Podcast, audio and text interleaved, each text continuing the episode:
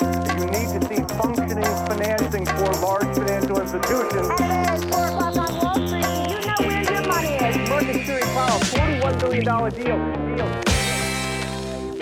Digitaliseringstrenden fortsätter och har fått sig en rejäl skjuts under den här pandemin. Med ökad digitalisering får vi även ökad cyberkriminalitet som ett brev på posten. Eller som ett e-mail i inkorgen kanske snarare. Vi är ju ändå digitala i det här avsnittet. Det är nämligen avsnittet för, eller temat för den här podden. Alltså både cyberkriminalitet och dito cybersäkerhet. Det här är ju en trend som växer strukturellt. Jag vet att många av mina lyssnare tycker att det här är oerhört intressant. Och dagen till ära när vi ska vara digitala så är det faktiskt så också att vi spelar in den här podden i Zoom så att det finns även ett videoklipp kopplat till det här poddavsnittet som man kan se också. Så att på något sätt så är det, liksom, det, det är spännande genomgående digitalt tema i podden och med mig här har jag både Fredrik Alexandersson eh, som även kallas för Stök som jobbar som professionell hacker får man väl säga. Så att den här världen som är höjd i dunkel och mystik kanske avmystifieras så att vi får liksom en, en lite större känsla för vad det här handlar om. Och Sen har jag även med Camilla Lundahl som är vår IT-säkerhetschef på Avanza. Så jag säger varmt välkomna till er båda. Tack, tack. Tack. Vi börjar med dig Fredrik. Vem är Fredrik eller ditt, eh, får man säga artistnamn, Stök som du kallas? Ja, det är mitt hacker-handle. Alltså det, det, det, det, är det. det är mitt alias om man säger så. Um, och jag är väl antagligen mer känd som, som stök på internet än vad jag är känd som Fredrik Alexandersson, um, IT-killen. Så, så det, ehm, det beror på lite grann vilken sida man är i. Men uh, jag är en cybersecurity advisor, hacker och creative. Och när jag inte um, skapar cybersecurity related uh, eh, educational content på internet, det vill säga uh, videos och, så man kan lära sig mer om det som vi håller på med, cyber och hacking och, och offensiv säkerhet, uh, så är jag jäkligt passionerad i att säkra företag och hjälpa dem ha en bättre security posture, det vill säga så du vet som företagsägare eller investerare eller vad det nu än är, att det här företaget når upp till de kraven som du kan förvänta dig. För vi lever idag på internet, varken vi vill, vill det eller inte.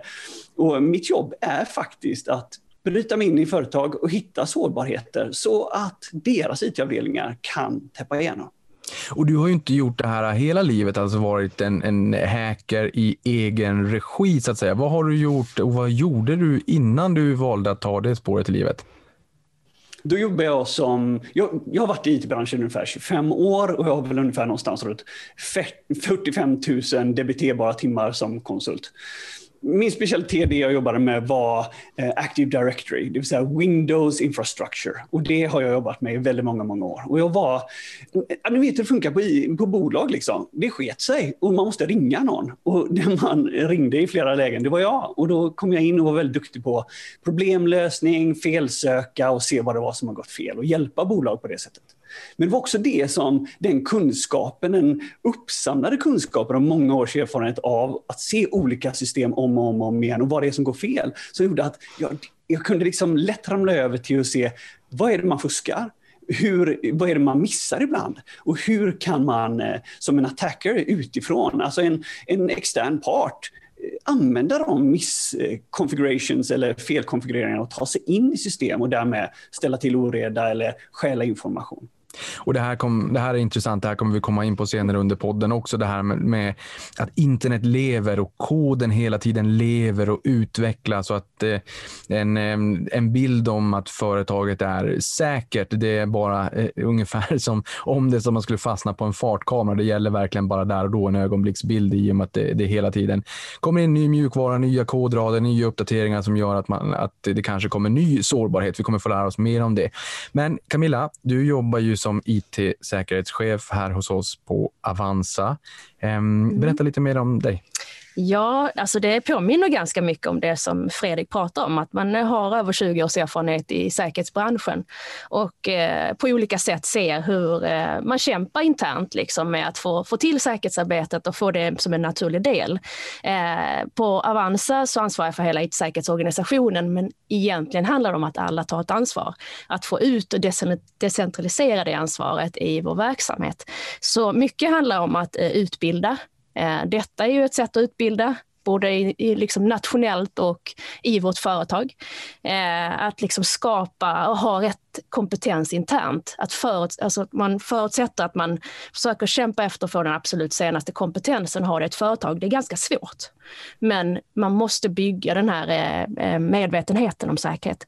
Så att, eh, det handlar om att få styrelsen med på banan, ledningsgrupper, utvecklare, tekniker. Alla ska förstå hur säkerhet och kvalitet hör ihop och hur vi får in det. Men sen är det ju som, som Fredrik snackar om här. Här ser man sårbarhet och brister. Det är mänskligt att göra fel. Vi ska behöva liksom hitta ett sätt att eh, hantera det, försöka stoppa det innan det kommer ut. Men det är också naturligt att vissa saker kan läcka ut. Då måste vi kunna åtgärda det med incidenthantering och allt möjligt. Så att det är en liksom en komplex bild som ska hanteras från ett bolag, ett enskilt bolag. Samtidigt som jag egentligen sitter här för att jag vill utmana lite grann den stelbenta säkerhetskulturen. Måste försöka samarbeta mer med folk, både nationellt och internationellt. Så stelbent eh, säkerhetskultur överlag i bolagen i Sverige? Ja. Eh, hur kommer det sig att du hamnade här på, på ett bolag då och inte som Fredrik som är liksom sin egen och en bug bounty och liksom en, en, prisjägare som vi har sett i amerikanska kultfilmer som, som går sin egen väg helt enkelt? Eh, jag har ju valt sådana här bolag där jag känner att jag vill eh, skydda mina vänner, min familj, eh, mig själv som kund, eh, ofta som individ. Eh, jag har jobbat på stora myndigheter där jag liksom fått fördjupa mig i säkerhetsarbetet där och säkerställt att ja, men det här ska vara tillräckligt bra eller bättre än när jag kom dit. Så för mig har det handlat väldigt mycket liksom om liksom, ett inre behov av att skydda individen. Eh, och det upplever jag att jag kan göra mer på ett företag än om jag skulle vara utanför grindarna. Eh, intressant. Och skydda, det gör vi ju för att skydda från hot och hoterna, de är många och vi kommer att komma in på ett flertal av dem i den här podden.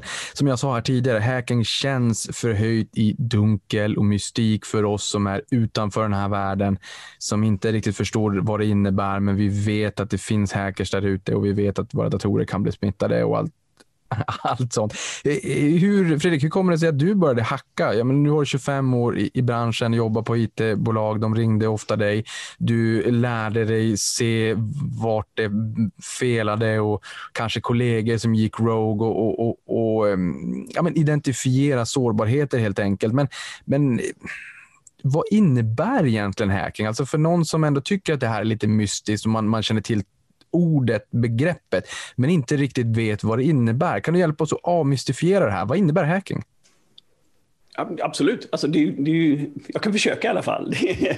um, um, um, jag brukar alltid säga så här att hacking är en, eh, ett mindset. Det, det, är att vara nyfiken och fråga varför ser det ut på det här sättet. Och det lite grann vill jag...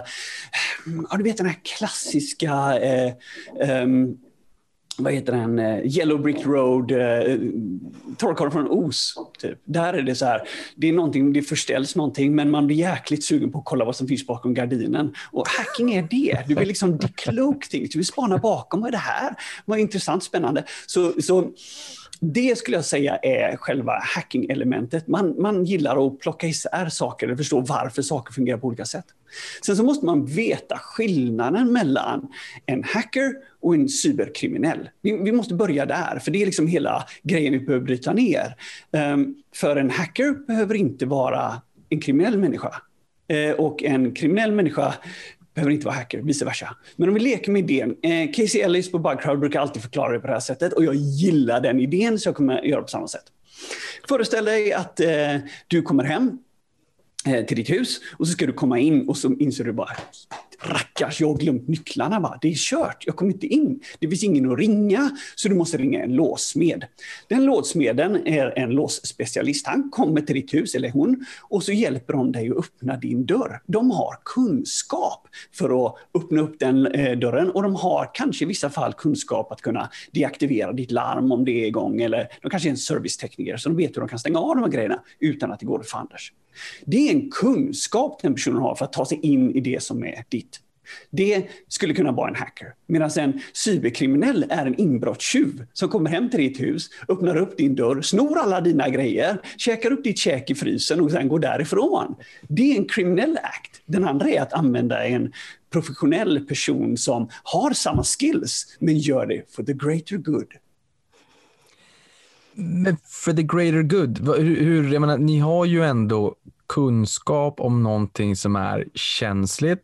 Jag tror, min bild är att många företag inte är så duktiga på att skydda sig mot eh, eh, cyberkriminalitet som man kanske kan tro. Vi har ett case senast idag med Gunnebo, börsnoterat bolag på väg ut från börsen har fått bud på sig förvisso. Vi kommer prata mer om Gunnebo sen. De sa att de varit attackerade i somras och att skadan var minimal och nu på morgonen har vi insett att den är snarare tvärtom.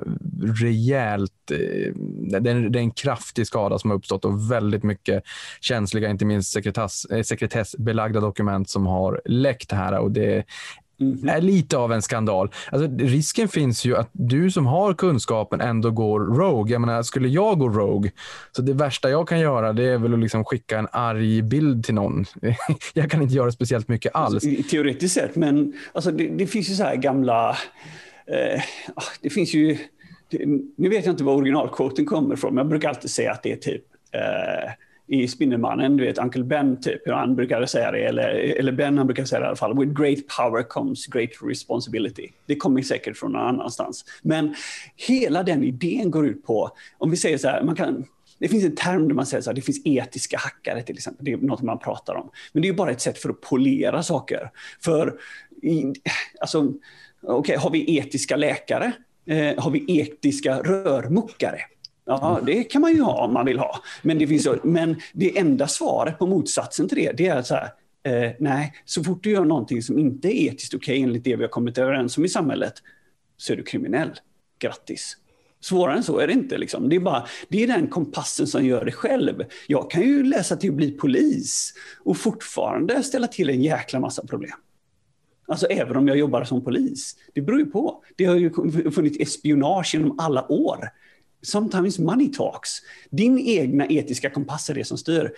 Jag är liksom en, alltså, jag diggar att sova på natten och jag gillar att göra bra grejer och jag tycker om att kunna träffa folk och se dem i ögonen. Eh, hens solbrillor. Men, men, eh, eh, men, men jag, jag, tycker om den grejen och då måste jag välja det själv. Och för mig är det liksom att göra det for the good. För jag vill ju säkra bolag. Jag vill kunna använda en tjänst mm. på internet. Och jag vill att min mamma ska kunna använda den tjänsten och min mormor eller whatever. Utan att det blir ett problem att den informationen läcker ut. Jag vill, jag vill hjälpa bolag att säkra dem, för annars blir det problem. Men, men hur viktig är den här moraliska kompassen som ni pratar om? För jag menar, ni sitter ju på kunskap som kan användas på fel sätt, som också är värt väldigt mycket pengar. Jag kan tänka mig att ni skulle kunna tjäna oerhört mycket pengar på den andra sidan och, och gå Rogue eh, i och med att eh, försvaret kring liksom, bolagen, bolag, stater, organisationer överlag som jag tolkar det är inte lika bra på att försvara sig mot cyberangrepp som man kanske skulle önska och buset ligger ju ofta före. Mm. Jag antar att den här moraliska kompassen är oerhört viktig då när man ser buset och att det är mycket, mycket stora pengar som, som rör sig där ute. Är, är, känner ni till folk som har gått över till andra sidan där det har barkat åt fanders? Såklart. ja, det kan man väl säga. att det, det, alltså, det är snarare andra saker som har betydelse då om man har haft det svårt i privat. Liksom man har kanske ett missbruk eller något liknande, eller den typen av grejer. Men eh, om man ska titta bara på vår egen, våra egna roller och tjänster så handlar det ju egentligen om, det här moraliska kompasset finns ju där från början. Men att gå rogue, det, man kan också säga det så här att det behöver inte nödvändigtvis vara så att Fredrik då blir, eh, liksom, flippar ut en vacker dag, utan han kanske blir hotad. Han kanske blir, alltså, vi vet redan att det finns nationella internationella intressen kring den här typen av kompetens. Hur, hur kommer man åt mm. hans information?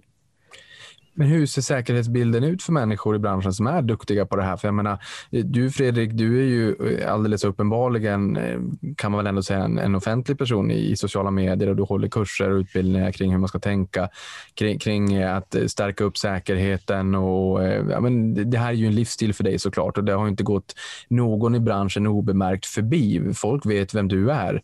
Hur, hur ser säkerhetsbilden ut? Blir man hotad? Lever man under eh, en känslig situation? Det gör man säkert. Jag gör inte det. Eh, för så fort diskussionen blir att om... Jag, jag blir frågad några gånger i veckan om, om jag vill göra jobb men jag tackar nej till det. Jag är, jag är, inte intresserad av att göra det.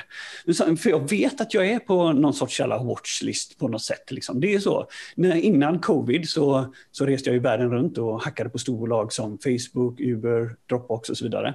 Och det är klart, eh, jag har hackat amerikanska eh, armén och, och, och liksom hjälpt dem att säkra upp deras system. Men det är klart att jag finns på något, något, system, för varje gång jag reser så får jag fyra stycken eh, R i, i, på min biljett, vilket gör att det är en extra säkerhetskontroll, vilket flyg jag än tar. De säger att det är random varenda gång, men om du liksom tio av tio gånger säger så här, excuse me Mr Alexandersson, you have an extended security check här, varsågod. Och så får man gå in och så ska de gå igenom ens grejer och så bara, ja det var ju bra. Alltså, det, det, är inte det. Visst, jag ser lite skum ut. Du vet, så här, långhårig gubbe med näsring och solbriller och ett stort jävla leende liksom, och alltid svartklädd. Han verkar ju skum den jäveln, han tar vi. Men, eh, men jag skulle likväl kunna vara liksom, vilken arkitekt som helst.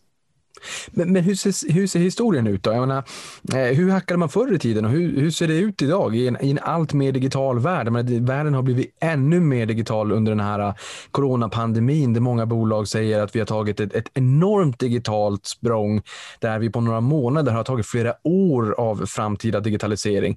Hacking idag kontra förr i tiden, hur ser det ut? Det beror på. Alltså det, eh, går du tillbaka riktigt långt tillbaka så, så satt man ju med modem och ringde runt till olika telefonnummer. Du tog alla telefonnummer som fanns i telefonkatalogen så ringde du tills det var ett modem som svarade. Ofta var det ju bara rätt i någon stort jävla datacenter. För det var, fanns ju ingen säkerhet på det. Och går du tillbaka bara liksom fem eller tio år så var ju liksom webben var ju sämre då än vad den är idag. Alltså man jobbar ju hela tiden med att utveckla det. Men ju mer folk som använder systemen, ju större risk är det. Och mer bolag vill komma in på branschen och då vill de göra grejer och man vill släppa appar appar, man vill pusha saker fort för att du har investerkapital och du måste ut med grejerna nu och du vill se en return of investment snabbt som fan. Lägger man nog massa pengar på extra säkerhet? Ja, inte alltid kanske, utan det kommer kanske i steg två. För man tänker, det händer inte oss, eller vi gör det kinda good, eller vi tar in det här bolaget som kollar det en gång varje kvartal, men vi pushar kod tio gånger om dagen då, måste man liksom internutbilda och tänka annorlunda. Hackingen idag ser inte riktigt så olika ut som det gjorde för tio år sedan. Det är samma buggar, det är samma system. Du kan hitta system idag där du har liksom buggar som har funnits i 15-20 år. Ny forskning kommer every day och den forskningen baseras ju inte på att någon plötsligt idag bara vaknar och säger så här, det var rackarns du, ny teknik, spännande, den verkar vara trasig, utan det här är ju grejer som har varit med oss sketlänge. Liksom. Men, men en spännande grej känner, grej känner jag, det är att på datorn har man ofta väldigt mycket programvaror och inte sällan så kanske man klickar i någon gång att de här ska uppdateras automatiskt när det finns nya uppdateringar att hämta. Eh, och det här mm. kommer vi komma in på lite grann. Det, det du, du planterade sådde ett frö hos mig där du säger att internet lever, att det är liksom en organism som hela tiden där det hela tiden sker någon form av evolution. Och det gör det ju när man uppdaterar, för det kommer ny kod och kod med, med nya mm. sårbarheter kanske. Och så görs det här automatiskt för att jag har klickat in någonstans att det här ska göras automatiskt.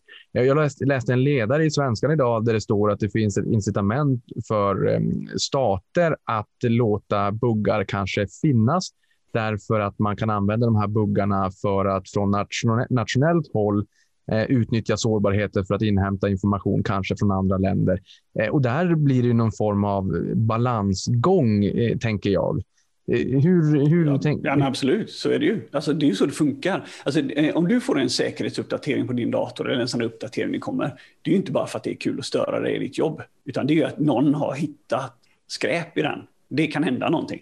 I vissa fall kan det vara så riskfyllt så att om du bara använder en webbläsare eller vad det är för en applikation så kanske det räcker att besöka en hemsida så händer det någonting som är jättedåligt på ditt system. Och det vill man inte.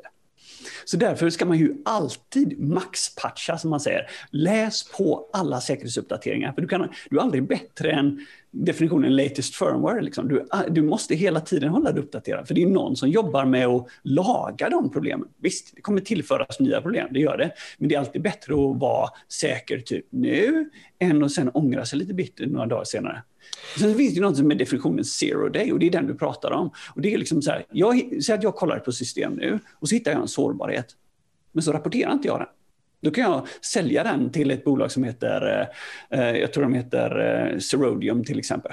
Då kan man få lite pengar för den. Och du kan få ganska bra pengar om du hittar en zero day i en iPhone till exempel. Då kan du tjäna riktigt bra med pengar. Och då ska du inte tro att de rapporterar den till Apple direkt, utan den kommer ju liksom användas av state-sponsored folk. När du, när du säger zero day, betyder det att det liksom är dag noll där den här sårbarheten upptäcktes? Att det finns ingen patch liksom. och, eh, och leverantören vet inte om den. Vi har kommit in i ett, ett område här som är jättespännande. Hur snabbt man fixar sina sårbarheter, att man får reda på dem i ett företag och sånt där. Och det är lite det jag är, är ute efter. Att, eh, när vi köper våra tjänster idag så är det ju någonting som redan har, har skapats. Liksom. Eh, det kanske skapades för några veckor sedan och uppdaterades och sen så köper vi in den, den tjänsten och då ska vi ha dem, eh, fixa de här sårbarheterna så fort som möjligt. Men det som Fredrik snackar om är ju sånt som kommer här och nu. Alltså hur, snabb, hur snabba är företagen på att fixa sina fel och brister? Det är ju det som blir allt viktigare framöver, att vi, vi har en, ett bolag som har hastighet och fart och flexibilitet när någonting händer. Liksom. Eh, så att eh, är man liksom investerare och tittar på bolag och sånt där så vill man ju gärna liksom kunna kolla på de sakerna i, i ett företag och säga att men finns de här delarna eh, liksom i årsredovisningen, pratar folk om det från företagets håll och sånt där. Så det, det vill jag slå ett extra slag för, liksom pusha lite mer för säkerhet. Men, men det här tycker jag är intressant, för att i, eh, i bolagens redovisning så finns det ju segment där man pratar om bolagsspecifika risker. Eh, är bolagen, och det här kanske är din fråga Camilla, är bolagen duktiga på att ta upp och informera marknaden om de hoten som finns på it-säkerhetsområdet. Eh, för jag tänker mig, det här är väl ingenting som man egentligen vill flagga för och informera buset om att man vet med sig. Nej, man vill inte synliggöra sina fel och brister. Men sen, sen tror jag att det handlar om att eh, idag har vi blivit mer medvetna om vad som händer runt omkring. Du pratade om Gunnebo. Vi har flera andra exempel i media. Vi får reda på om, om eh, valet i USA. Information sprids. Liksom. Eh, vår, alltså, medborgare och kunder och investerare, alla är liksom medvetna om att saker och ting kan hända. Eh, och ju mer transparenta företag är med, med liksom hur arbetet går med risker och, och sårbarheter, att man är liksom är framåt och tydliggör en plan, desto bättre tror jag, för det skapar ändå någon form av förtroende. Eh, sen är det, liksom, det är klart att du inte kommer skriva att du har fel någonstans i liksom, detaljnivå, men, eh, men ändå att liksom lyfta upp det till en annan diskussionsnivå tycker jag är viktigt. Fast det är ganska bra. Alltså, om du kollar på Bounties till exempel, som är något som jag håller på, alltså bug bounties, där man letar sårbarheter i företagssystem och sen så betalar dem eller ger dig någon sorts kanske poäng eller någonting för, för att du hittar en sårbarhet i deras system och så vidare. Beroende på hur mogna de här organisationerna är, ju mer transparens visar de om du tittar på bolag som, som Visma till exempel, eller som Uber och, och några av de jättestora, då, då, går de, då släpper de ju förklarar rätt upp och ner. Vi har transparens. Det här var en sårbarhet vi hade, den är fixad nu. Här kan du läsa hur den gick till. Och det är för mig A och O. Senast nu, var, det var för några veckor sedan, alltså, Okej, okay, quota mig inte 100% på detta. Det här spelas in. ja, men jag vet det. Men det är nästan till. Men i alla fall, lek med det. För jag, eh, jag, måste kolla upp alla specs för att det ska bli exakt rätt. Men det var det här, vi pratade om valet. Och för några år sedan på Defcon så var det ju liksom att... Som är? Finns det något, Defcon är en eh, stor säkerhets eller en hackerkonferens i Vegas som sker varje år. Eh, det hände inte i år för det är covid, men då var den virtuell. Men vanligtvis är det så här någonstans mellan 30 till 50 000 hackers träffas i Vegas, eh, delar kunskap och, eh, och har som världens största konferens, det är och så är det gött så. Eh, det sker en gång om året. Eh, och på den så presenterar man research och på de här olika eh, tillställningarna så finns det olika, något som definieras som en village, det vill säga där är ett ställe med specialområde. Det kan vara att man jobbar med trådlöst eller det kan vara något annat. Då. Men i det här fallet så finns det något som kallas the voting village och där hade de då så här röstningsmaskiner och då märkte de ju bara, alltså, då började de hacka dem och det, det var ju liksom pinsam säkerhet. Va? Det, var ju liksom, det var ju liksom ett skämt. Och när de började gräva det lite mer och mer så började folk kolla på de här bolagen som faktiskt var de som hade byggt de här systemen. Och när det då påpekades, ja, då ville de ju stämma de här hackerserna istället då för att det skulle bli olagligt nu. Det är alltså en rättsdiskussion som pågår där eh, det EFF som är en sån, eh, organisation som företräder och skyddar hackare på nätet nu senast då hade varit med och gjort ett jättearbete med amerikanska staten för att de inte ska få lov att säga att det är för, förbjudet att peta på saker som är liksom viktiga för amerikanska eh, röstningsgrejen. Och de ville ju tvärtom, de ville inte visa transparent. De ville bara, om du petar på våra grejer så kommer vi skicka dig i fängelse. Va? Och det får vi absolut aldrig hamna i. Men här tänker jag, hur ofta är det så att du petar på grejer där du har blivit anlitad? Du sa att du får ett par förfrågningar i veckan. Det kanske var från, från bussidan. Men jag antar att du får ju en, ett, ett gäng förfrågningar också från alltså legitima förfrågningar Eh, där man vill att du hjälper ett företag att hitta sårbarheter.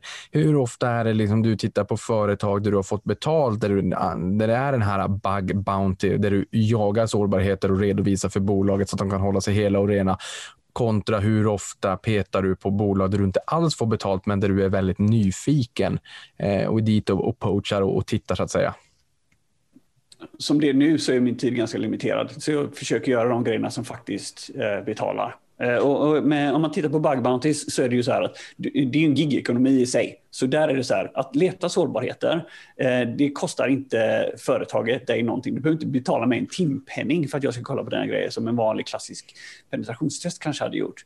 Eh, men däremot om jag hittar en sårbarhet och jag rapporterar den och, du, och det bolaget anser att ja, men det här var faktiskt en legit eh, bugg som är ganska dålig. Jag har hittat bugg, buggar i system som varit så kritiska att de måste fixa dem inom några timmar. Och då, eh, då, då betalar de väldigt bra för det. Och som bäst har jag liksom kunnat få in någonstans runt 30 000 dollar för en bugg. Och det, och det är en bra dags jobb då. Ja, för, för där tänker jag, dels så blir du ju anlitad för att hitta sårbarheter, men kan det vara så, du sa att tiden är limiterad, kan det vara så att du tittar på ett eh, bolag av någon anledning och hittar en bugg och, och hör av dig till dem och säger att jag har hittat en sårbarhet. Eh, kan ni betala mig så, så får ni... Får Nej, ni... aldrig. Det, det, skulle aldrig ske. Utan det, det är så här, jag petar aldrig och rör aldrig grejer där ingen explicit har sagt att du får lov att göra det här. För även om det mot förmodan då inte skulle kunna vara tillåtet, alltså det blir utpressning, då är det typ så här, det är ju bara som om man börjar, eh, säg att man skulle börja peta på något system och så hittar du en sårbarhet, så haha, jag hittar grejer här, nu får du dega upp här brorsan. Det, så kan man inte göra, det är ju liksom, det är, det är kriminalitet, så får du inte göra. Utan du får poka på grejer där folk säger att eh, vänligen, hjärtligt välkommen, eh, vi vill ha hjälp med att fixa vår säkerhet. Vi har en, vi har en eh, mognad och en förståelse för vad det här är, så vi vill att du hjälper oss att fixa det. Då gör jag det, men aldrig tvärtom. Ja, men det där är intressant och, och det är klart, nu ehm, eh, var inte min fråga ställd som att det skulle vara någon form av utpressning, för det är ju olagligt. Men, men om du ramlar över någon information, tar man det vidare till bolaget då? Ehm, Även om man inte får betalt och bara informerar om att ja, ja, ja, det, det kan man göra. Alltså, absolut, absolut. Är det så att jag, eh, om jag bara skulle ramla över någonting, men jag måste ju aktivt ha tittat i det läget. Alltså det är ju, det är ju så här, det är ju, jag skulle kunna hoppa in där lite grann. Ja, alltså, om man tittar lite grann på eh, att rapportera in till företag så måste ju, lite, lite som du säger, att man måste ha en, en möjlighet att göra det på ett snyggt sätt. Eh, för eh, när vi hade det på Avanza eh, för fyra år sedan när jag började här så, så såg man liksom att ja, men det kom en tweet om en sårbarhet. och någon okänd person ville liksom prata om den här sårbarheten utåt. Och där har man ju liksom det är inte ett jättebra sätt att få liksom, förtroende, om man säger så. Nej. Utan man behöver nog kanalisera den här informationen till företagen på ett snyggt sätt. Så att, eh, att öppna upp upp eh, att kunna rapportera är jätteviktigt. Och då kan man ju kolla efter sånt som heter responsible disclosure till exempel. Om man googlar på det så vet man att det är någon form av avtal liksom, som man har 90 dagar på sig som företag att fixa en sårbarhet. Eh, och då behöver inte Fredrik berätta om det för någon annan, liksom. men han, han tar inte betalt för det då.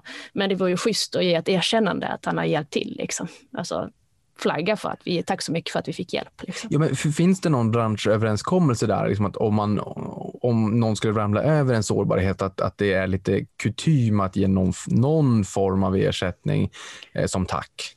Jag tror att det det har varit mycket t-shirtar som har skickats ut från olika företag om man säger så. Men jag tror att det egentligen handlar lite grann om att, låt säga då att Fredrik skulle vara kund hos Avanza eh, och vill som kund eh, säkra upp vårt företag från sitt håll för att han vet att han har den kompetensen han har. Liksom. Ja, men det är klart att han ska kunna höra av sig och berätta en sån sak.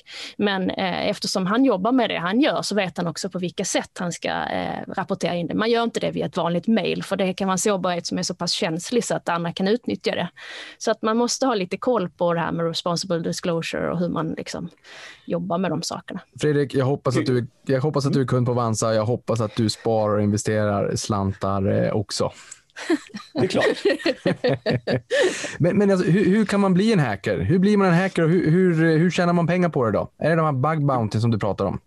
Ja, det är en grej att göra det. Först och främst så här, hur blir jag hacker? Ja, du bestämmer dig att du är hacker. För det finns ingen certifiering, det finns ingen, finns ingen definition som är det. Liksom bara, det, det, det så är det. det. Den dagen du inser att jag, du, vill, du vill titulera dig som hacker, då är du hacker. Punkt slut, så är det. Och sen så är det så här, men hur kan du komma dit då? Ah, ja, det är ju bra att, börja då, för du kan ju vara, hacker kan vara en definition, du kan ju liksom, det kan vara biohacking, det kan vara teknisk hacking, det kan vara hacking your time, det finns många olika sätt för att liksom eh, optimera sitt liv. Men om det är så att man vill börja med, vill man göra datagrejer, då finns det ju hur mycket information som helst på internet. Liksom. Det är bara börja, ta en kurs i, i, i pentesting eller penetrationstesting som det heter. Liksom. Och, och, det finns det ju hur mycket gratis information som helst. Mm. De här stora bug bounty-plattformarna som HackerOne och BugCrowd till exempel, de har ju eh, de har liksom så här testsajter du kan lära dig och liksom som en, som en sån kursgrej. Det finns också så här finns utbildningssajter som Pentester Labs eller Hack the Box eller Try Hack Me som är så här plattformar eller tjänster där du loggar in, du får en sårbar dator och så ska du försöka knäcka den datorn. Och gör du det så, så liksom finns det ett poängsystem och så kan du bli, känna lite häftig och så. Mm. Så det, det, det finns jättebra träningsgrounds för att kunna göra det här. Och jag tycker nästan alla som är lite intresserade av teknik i alla fall, även om du skyddar en verksamhet eller på något sätt, börja kolla på det. Det, det bör man göra. Liksom, jag skulle nog kollat lite. lite. Och även eh, universiteten har ju ganska mycket utbildningar om sånt här. Liksom. Om man vill hitta likasinnade samtidigt och inte sitta själv kanske. alltså typ Kungliga mm. Tekniska Högskolan. De har ju, nu heter det kanske etisk hackning då, men, men, eh, men det är också ett tips att titta på. Men måste man kunna programmering? Nej, det behöver man inte. Men det hjälper ju jag tycker här, eh, Camilla, hon ser lite, hon ser lite fundersam ut. Håller jag använder social eh, ingenjörskonst. jag, social engineering hjälper ganska mycket. Man kan fråga efter ett lösenord och liksom eh, vara lite trevlig och få ut information också. Man behöver inte använda teknik. Så, så det, det är ett sätt. Men hur duktiga är vi på det här generellt? Då? Jag menar, är det så att något, något bus rånar en gammal äldre dam eller farbror vid bankomaten så kanske det finns en risk att de har eh, bankkoden till sitt bankkort eh, någonstans på en liten post-it-lapp i plånboken eller kanske skrivet på baksidan av det här eh, bankomatkortet. Är det så mycket bättre digitalt? Är vi så mycket Nej, duktigare på att skydda oss digitalt? Mm. Nej, inte alla. Alltså det beror ju på vad du gör. Men säg till exempel att du skulle ha... Låt oss säga så här. Säg att du... Eh, det krävs en liten säkerhetsmedvetenhet. För jag, menar, jag har det hemma. Jag har en sån här liten, eh, det som kallas en NAS, en låda som jag eh, har kopplat in i mitt nätverk hemma. Där jag kan lägga mina semesterbilder, jag har lite låtar, jag kanske har lite filmer och sånt där på den då. Och kanske streama lite grejer när jag kollar på film hemma och så vidare den har jag ju där. Den är ju kopplad på nätet. Men samma sekund jag öppnar till exempel en, en regel i min brandvägg eller jag hänger den på ett sånt sätt så att den får lov att kommunicera ut på nätet och jag inte ändrar lösenordet från standardlösenordet, vilket är admin admin, då har jag ju ett problem. För då är det ju liksom, och det finns ju hundratusentals sådana här nätverksenheter och kameror och sånt som hänger rätt ut på internet som vem som helst kan logga in på och kolla på bara de vill. Och hur mycket pengar kan man tjäna som hacker då? Vad, vad är, liksom, vad är rimligt? Hur, hur stora belopp är det vi pratar om? Det, det beror på vad du arbetar som. Men om du, du kan jobba som professionell, säga att du skulle ta ett jobb för några av de här stora bolagen i USA, så kan du dra in en ganska duktig eh, årslön. Liksom. Det är inga större problem. Det är en ganska stor efterfrågan på, eh, på god talang. Så förhandlingsläge är ju eh, upplagt. Men det finns ju de hackersna inom Bounties som, som, som tjänar eh, några miljoner om året. Men, men, men, då tänker jag så här, hur ser en vanlig dag ut? Eh, och ni kan berätta liksom era båda respektive mm, eh, vanlig dag så att säga. Eller säg så här Fredrik, en intensiv dag. Du har bestämt dig för att du har fått ett uppdrag eh, av ett bolag, en bug bounty uppdrag. Du ska hitta sårbarheter. Hur ser det ut från att när stiger du upp på morgonen? Hur, vad gör du under dagen? Ta oss igenom en, en ganska hektisk, intensiv och spännande hackerdag. Absolut, cool, det kan vi göra. Um, I och med att det jag gör är väldigt, väldigt fokuserad på tankeverksamhet. Alltså, så, så är det, alltså, min hjärna går ju overload när jag sitter i de här grejerna. Jag tänker kreativt, jag försöker förstå, få en bild av verksamheten. Då kan ju inte jag uh, ge fan i att sova dåligt. Så att jag förutsätter att jag har haft en åtta timmars god sömn, jag är utvilad och så kliver jag upp någonstans kanske vid åtta snår på morgonen. Det första jag gör är att ta en timmes rask promenad där jag tänker igenom mitt target, hur, vad jag vet om dem. Jag försöker skapa mig en mental bild över vad de håller på med och samtidigt som jag försöker liksom slappna av och få lite fys i min kropp det, är ofta det så sänker det whatever, kortisolnivåer man har och andra så här stressämnen och man får en ganska skön känsla i kroppen. Det är en bra början. Sen så kokar jag upp en ordentlig stor kopp eh, svart te. Jag har slutat dricka kaffe, för kaffe stressar mig något enormt, har jag märkt på äldre tid. Jag var den här, du vet, dricker en panna om dagen typ och så bara inser man att det kanske inte var världsklass. Så jag drar en kopp te, gör kanske några yogastretchövningar och sen så sätter jag mig framför datan och så kör jag i, eh, i pass om ungefär 90 minuter där jag är Totalfokuserar på en task, tar en break på några minuter, gör det igen, käkar en lunch, gör en ny session och så håller jag på så fram till klockan 6-7 på eh, kvällen kanske. Då kommer min fru hem, så lagar jag käk till henne och sen så är jag klar för den dagen. Eh, och sen börjar det om dagen efter nästa dag igen. För rutiner och att hålla skillnad på att göra det här. För det är så, grejen är så här, om jag hittar någonting som jag är väldigt, väldigt intresserad av och jag har en bugg och jag inte riktigt är färdig med den när det, är, när det är dags att sluta, då kan inte jag sova. Liksom. Jag ligger bara och tänker på det hela tiden. Det bara snurrar, snurrar, snurrar, snurrar. snurrar. Så jag behöver ha regler för mig själv som är liksom så här. Då lägger du av och du ska gå och lägga dig vid den tiden, för annars så kommer du gå sönder. Liksom. Och det är det som händer. Så att jag hålla rutiner.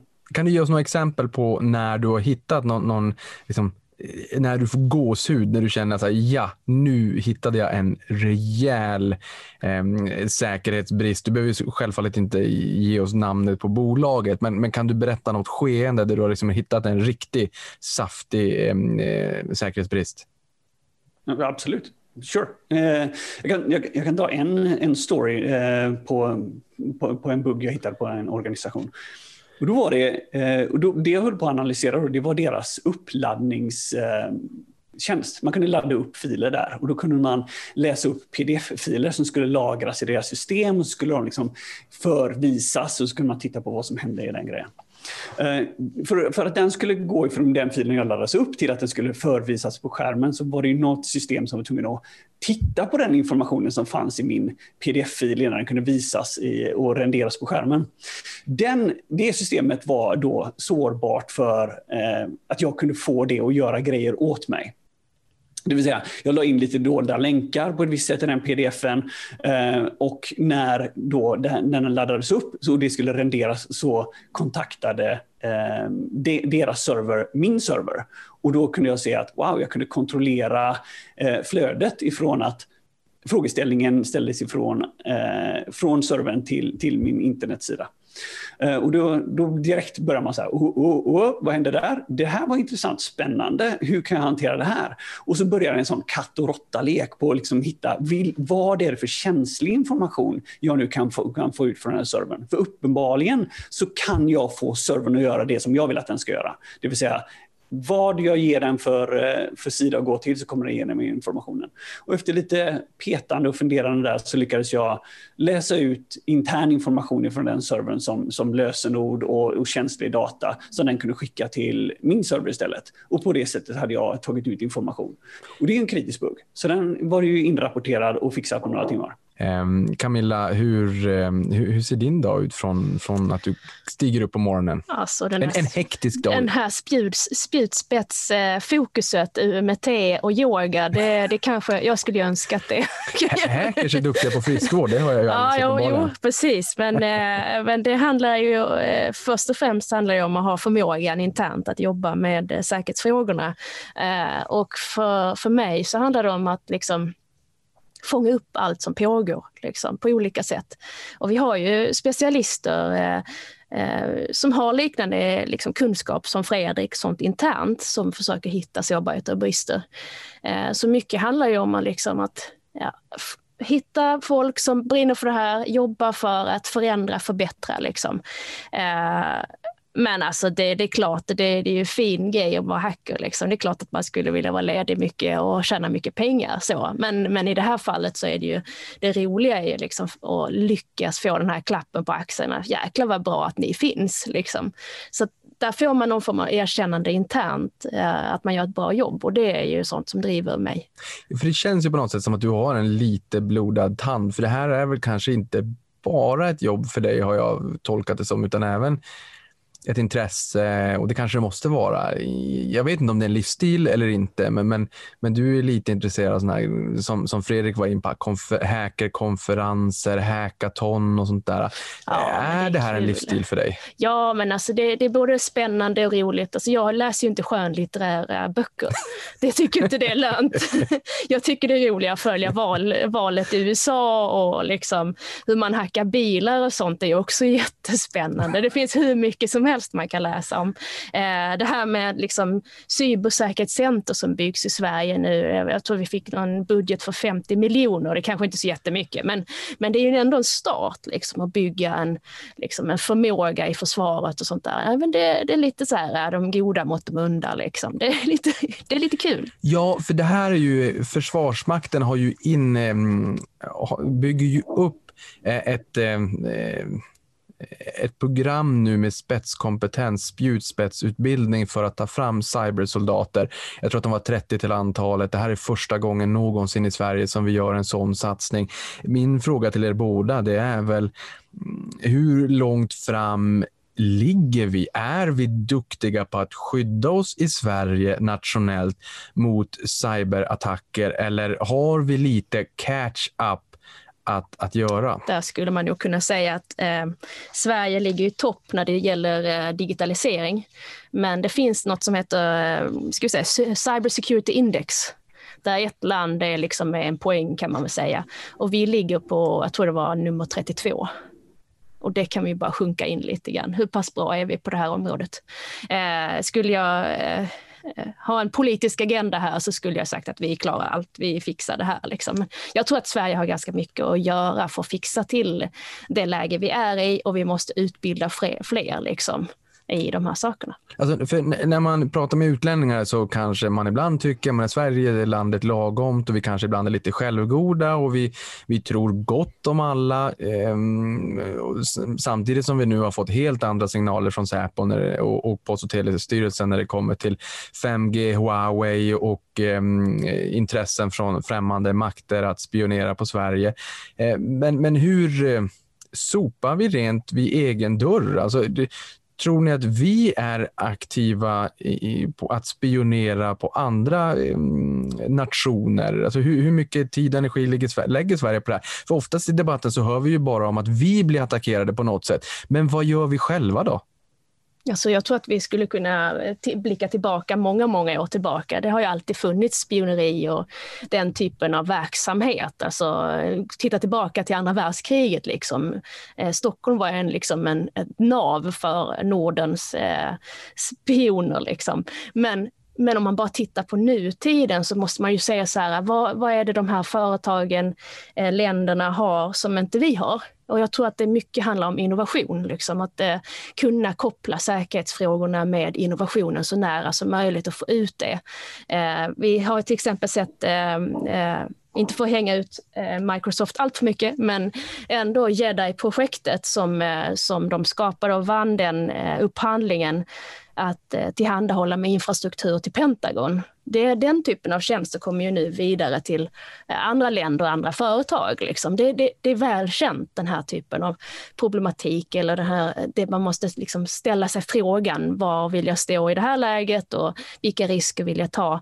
Om det skulle bli fel, även om du har köpt någonting, eh, och allting har sett bra ut från början, du har gjort alla dina riskanalyser, så måste du kunna bara byta fot en vacker dag och säga okej, okay, nu har de vänt på klacken, det här stödsystemet, det här företaget som vi har köpt in. Liksom. Då måste ju jag själv kunna, med hela mitt företag, eller vårt företag egentligen, kunna ändra riktning. Och det är det jag tror kommer vara mycket viktigare framöver. Äh, riktigt intressant. Men det här med liksom, digitaliseringen är ju en den, skulle man kunna säga är en global megatrend. Eh, trots det, nu Fredrik kanske du trillar av stolen, men, men det är så det är bara varannan människa på planeten som har internetaccess fortfarande. Eh, och det är en miljard människor som lagar mat över öppen eld. Så att jag menar, det finns ju en strukturell tillväxt i att allt fler människor också kommer att befinna sig på den digitala arenan och flytta upp sina liv i den digitala, på den digitala scenen. Och allt mer infrastruktur eh, kommer att, att kopplas upp och, och, allt mer med internet of things kommer vi att komma in på. Så att allt mer blir ju uppkopplat och jag vet att man hackade väl ett akvarium någonstans på något kontor för att hjälpa med någonting. Ett antal tusen eh, övervakningskameror i London hackades för att hjälpa till som små cybersoldater för att eh, ge kraft till någon överbelastningsattack och där hör vi ju ofta om. Och cyberkriminalitet är ju ett växande problem för samhällen och allt fler varningsklockor eh, klämtar ju och måltavlorna är eh, stater, företag, infrastruktur, centralbanker som blir bestulna på pengar. Vi har Jerome Powell som är USAs, alltså Fed centralbankschef som säger att det som kan hålla mig vaken om natten är rädslan, oron för att någon ska hacka centralbanken och stjäla pengar. Vilka är de här cyberbusen? Ja, det är ju folk Väldigt som vill tjäna pengar på internet. Alltså det, det, det, det, finns ju, alltså, det finns ju organisationer. Alltså, det, jag tror Camilla är mycket, mycket bättre på det här området än, än vem jag är. För jag har inte koll på vilka ATP eller APT som, som det är där ute som håller på just nu som är våra risk och vilka man ska ducka för och inte och så. Men det finns ju liksom state sponsored, det vill säga om, om leker med idén så här. Kommer, kommer hackern stök vara ett stort problem för, för, en, eh, för, en, för en verksamhet till exempel? Kanske inte så världsstor, för jag är limiterad av både ekonomi och tid eh, och hur mycket jag kan investera. Men säg till exempel eh, Kina till exempel. Ganska liten pjäs, ganska många gubbar man kan använda, behöver inte bry sig så mycket om deg eller tid. Och så bara, ja, jag vill att ni ska hacka det här bolaget. Ja, vi har typ unlimited med resources. Ja, då är det kanske lite större problem. Mm det, det, det, finns ju många fysiska grupperingar, organisationer som vi har lärt oss att eh, oroa oss för runt om i världen. Finns det den typen av grupperingar, eh, radikaliserade grupper som utgör digitala hot som, som ni kanske känner till men kanske inte mina lyssnare? Finns det vissa grupperingar som, som de flesta inom er skrå har stenkoll på? Liksom? Ja, det, alltså det, det, ja, men det finns ju såklart. Det, det, men jag tror Fredrik har varit inne på APT-grupper, liksom, att avancerade eh, ansatser att hacka bolag. Eh, alltså, jag, jag vill nästan känna så här, förutsatt att det finns olika, att det finns nybörjare, det finns extremt duktiga, finns de som har eh, organiserad krim, kriminell organisation bakom sig. Tänk dig att allt det där finns. Men vad gör du istället då? Vad, vad är det du gör för att liksom skydda dig? Eh, och här tycker jag då att man inte ska vara så reaktiv och vänta på att attack, attacken ska ske. Man kan förutsätta att den kommer att hända. Liksom. Eh, jag tror att eh, i och med att nu vi har kommit till en en snabbare hastighet i utvecklingen. Vi behöver liksom snabbare fixa till våra fel. Då kommer också fler attacker bli lyckade under tiden, under tiden vi lär oss att bli bättre. Liksom. Så eh, alltså, det kommer bli lite mer vardagsmat framöver. Eh, då tycker jag det lite grann att man måste titta på så här, men vad är det vi måste satsa på i våra bolag för att skydda oss. Och tittar man då på det så det, kommer det handla mycket mer om kvalitet. Alltså säkerställa automatiserade tjänster eh, som kan kolla att du inte har gjort fel. Att om du haft en dålig dag så ska du liksom det ska inte gå igenom i, genom produktion. Liksom. Utan du måste försöka hitta den typen av, av produkter och tjänster som, som testar och eh, kvalitetssäkrar det du skjuter ut. Eh, och jag tror att vi kommer att snacka mycket mer om utbildning eh, från eh, högsko högskola, universitet, men kanske även gymnasie och lägre ner för att liksom medvetandegöra. För vi vet ju redan idag hur, hur människor blir påverkade i social media och hur man kan få sitt Twitterkonto hackat och sådana där grejer. Så jag tror att det är viktigt att bara eh, hjälpa folk att göra rätt. Liksom. Ja, det där Twitterkontot hackat, det hade jag tyckt hade varit oerhört jobbigt. Um, vi såg ju SVTs konto bli hackat här för bara någon vecka sedan. Mm. Uh, där tänker jag, hur, hur, Fredrik, hur svårt är det för dig att hacka mitt Twitterkonto om jag har tvåfaktors autentisering uh, som jag har på mitt konto? För det första så det är ju lurigt för mig att kunna hacka då. Alltså hade det varit så här att man bara, alltså, och det här är så jävla roligt för den absolut vanligaste frågan man får typ om man gör det jobbet som jag gör, det är typ så här, du eh, skulle du kunna hacka mitt eh, ex Facebook-konto typ? Jag bara, om jag hade kunnat hacka ditt ex Facebook-konto, då hade jag ju kanske fått rätt mycket deg för det. Och då har jag ju liksom inte kanske för att rapportera den buggen. Och inte bara liksom så här, hackat ditt ex-konto, utan då kanske du ska tänka så här, vad är det för kontrollbehov du har som gör att du behöver ta dig in i ditt ex-konto? Det, det är nog, du ska nog jobba med dig själv lite grann först innan, innan du requestar det.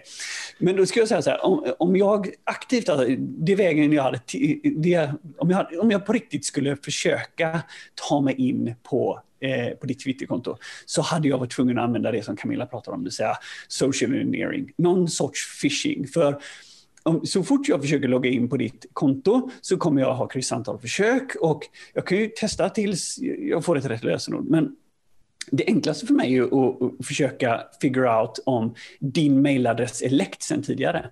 För det är ju så, det, så fort det blir en breach någonstans så eh, kommer de hamna på darknet och sen så kommer de hamna på vanliga nätet och så kan man ha tillgång till dem. Och det, det finns ju sajter som Dehashed till exempel, som då, där det finns då så 12 biljarder läckta eh, konton och lösenord indexerade. Du betalar 50 spänn i veckan så får du tillgång till alla dem och så kan du då söka på din mailadress. Då kan vi se, okej, okay, du ser att han har använt eh, han, den här mejladressen har varit använda på tre, fyra olika sajter. Lösenordet verkar fortfarande vara investerare 200 på alla de sajterna. Då finns det ganska stor chans att han använt det lösenordet också på Twitter.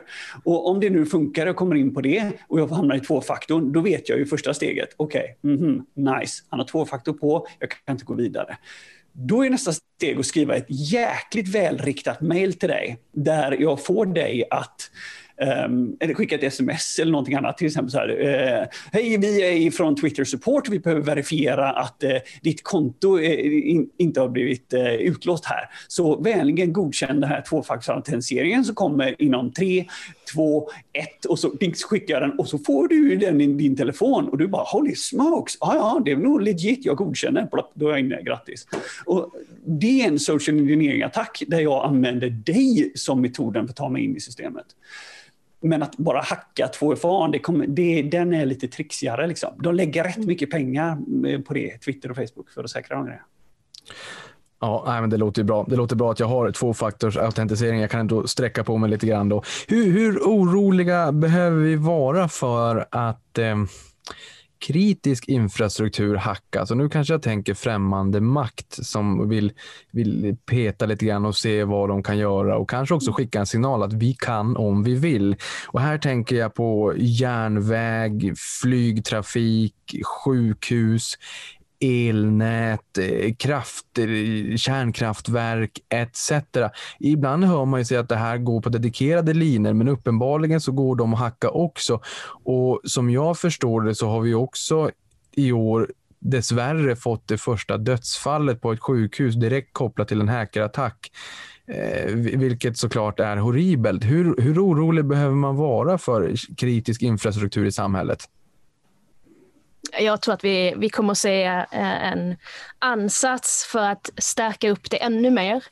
Eh, den här typen av system brukar vara lite föråldrade på många ställen. Det det kanske inte ens är ett lösenord på. Liksom. Så att det har varit väldigt länge har vi vetat att det har funnits stora brister i det. Men där ser man också i liksom, den här budgeten som går ut nu med säkerhetsskyddsinvesteringar eh, som man ska göra till 100 miljoner, det innebär ju egentligen att man ska rikta in sig på, på den typen av infrastruktur och säkra upp ännu mer. Så jag tror att mycket mer, eh, det är rätt person att svara det är väl Magdalena Andersson och gänget. Liksom. Eh, vad är det som ska göras härnäst? Då skickar vi vidare den frågan till Magdalena Andersson. Men, eh, men om jag ställer om frågan så här då. Är det möjligt, om vilja finns, att hacka kritisk infrastruktur och trycka ner Sverige på knäna om man skulle vilja? Jag har ju en egen åsikt där, jag säger absolut. Ja, det är ju redan länder som har blivit sänkta på det sättet. Liksom. Eh, var det Estland eller? Ja, jag tror det var väl Ukraina hade ju lite jobbig sits där också. när de blev Ja, så det, det, finns ju den typen av eh, sårbarheter, men eh, jag tror att vi har vaknat upp lite mer där. Men känner ni också, som du säger här, man har vaknat upp lite mer, det Magdalena Andersson som håller i plånboken. Vi hade en läck, läcka från Transportstyrelsen där vare sig vi vill eller ej så läcker de här uppgifterna ut. Man kanske har skyddad identitet och det, mm. det är liksom oöverskådligt vilka långtgående konsekvenser det här kan få för enskilda individer. Är er bild ändå att man från liksom statligt håll tar det här på större allvar? Alltså nu vet vi ju att man utbildar cybersoldater som Försvarsmakten själv kallar det. Eh, vi stärker upp, det kanske finns eh, den här typen av kompetenser i alla fall sedan tidigare, men nu har vi ett, ett spjutspets, eh, en, en spjutspetsutbildningsansats för att ta fram duktigare människor för att kunna försvara rikets mm. intressen. Men har man alltså en, en större förståelse, större insikt kring den problematiken som finns. Jag menar, många av systemen i vårt samhälle är ju byggt på vad då? hundra mm, år sedan? Mm. Ja, men jag skulle säga att, att det, det, är många som vet var bristerna finns. Det största problemet är samarbete mellan eh, myndigheter, eh, liksom, eh, försvar och företag. Där behöver man ha ett mycket närmare samarbete. Vi har ju också det faktum att det finns olika departement som äger olika säkerhetsfrågor. Eh, och jag tror att de ansatserna man gör nu nationellt är att liksom enas mer och göra ett större program som, räcker, som blir som ett ekosystem för Sverige. Där man tittar på näringsliv, där man tittar på infrastruktur mycket mer. Man har ansatser och en plan för alla delar som man ska göra. Och då ska man framförallt titta mot eh, Myndigheten för samhällsskydd och beredskap. Eh, de jobbar också mycket med sådana grejer. Så att det, det, finns många ansatser, det finns Säpo också som, som pushar ut information och det är bara för att medvetandegöra. Liksom. Och jag tror att eh, det man ska satsa på är ju att liksom komma in i säkerhetsbranschen och hjälpa till, även om man kanske är utvecklare, tekniker eller liknande, att man faktiskt tittar på säkerhetsfrågorna själv och försöker hjälpa till. Mm. Men vilken typ av hackerattacker finns det då? Vad är, vad är, vad är de vanligaste där ute och hur skyddar man sig mot dem, både som privatperson men även företagare? Det som jag håller på med är ju webbaserade. Alltså saker som stoppas på internet. För det är så, if it goes on the internet, it kind of stays on the internet. Så är det. Alltså, så stoppar Säger du och skrattar. så är det. För det, det varken vi vill det eller inte, så är det ju så här, det är konstant så rullar det massa indexeringsmotorer på internet som samlar in information och kollar vad som händer. Det är massa scanners. Det räcker för dig att spinna upp en liten webbserver i nu, till exempel, inom, och inom några timmar kommer du se att det kommer finnas hur många intrångsförsök som helst på den. Och de är automatiserade. För det är hela tiden olika scans som försöker ta sig in i dina system. Varken man vill eller inte, så funkar det. Och det och det, det får man bara acceptera. att eh, Stoppar du grejer på internet då får du skylla dig själv och då behöver du veta hur du eh, agerar på det.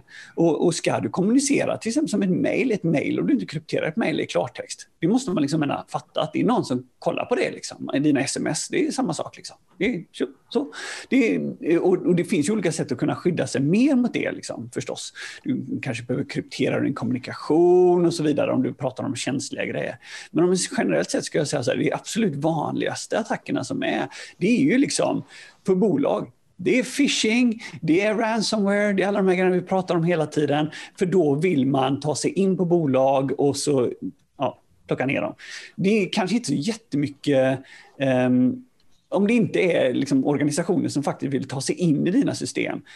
Men det är också det här, du, du som investerare känner ju till att det finns något som heter cryptocurrency. Liksom. Det finns man gör digital pengar. Och kan jag använda till exempel eh, en, ett gäng servrar på internet och producera bitcoins till mig genom att installera kryptominers på dem, så är det skitbra. Då använder jag alla serverkapaciteten och jag använder deras internetbandbredd jag behöver inte göra någon själv. Så om man ändå inte har skyddat sin webbserver för att den hemsidan eller den här tjänsten som man testar, den utvecklingssajten som några gubbar satte upp bara för fem sex år sedan och så har man liksom inte tagit hand om den sedan dess.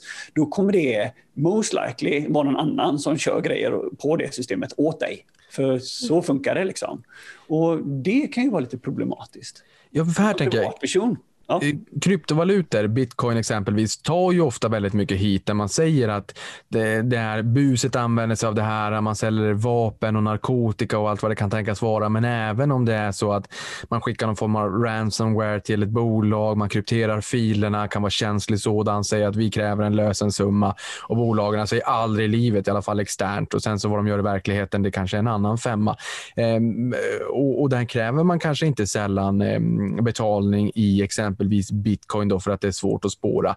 Är det här, är det så? Finns det fog att säga att kryptovalutor eh, används av buset och att det är hackers eh, som, som eh, onda då, så att säga, som har gått rogue eh, vill ha betalt och använder bitcoin för den här typen av kriminell verksamhet? Jag kan säga motställning, motfråga och det är så här. Tror du att eh, den största delen av Western Unions transaktioner är legit? Jobbig fråga. jag utgår från att det borde vara så. Ja, det är det säkert, men man använder ju de systemen för att kunna göra liksom, eh, kriminell verksamhet. Så en cryptocurrency behöver ju inte vara för att den ska vara kriminell. Det är bara det att folk kan använda den. Eh, åh, internet finns. Och det var ju extremt dåligt. Då kan man göra kriminella actions på internet. Ja, men most people probably don't. Nej, och de som gör det, där finns det en term som heter big game hunting, alltså någon form av storviltsjakt där man går på jakt efter de här stora börsbolagen och kräver stora summor eh, pengar.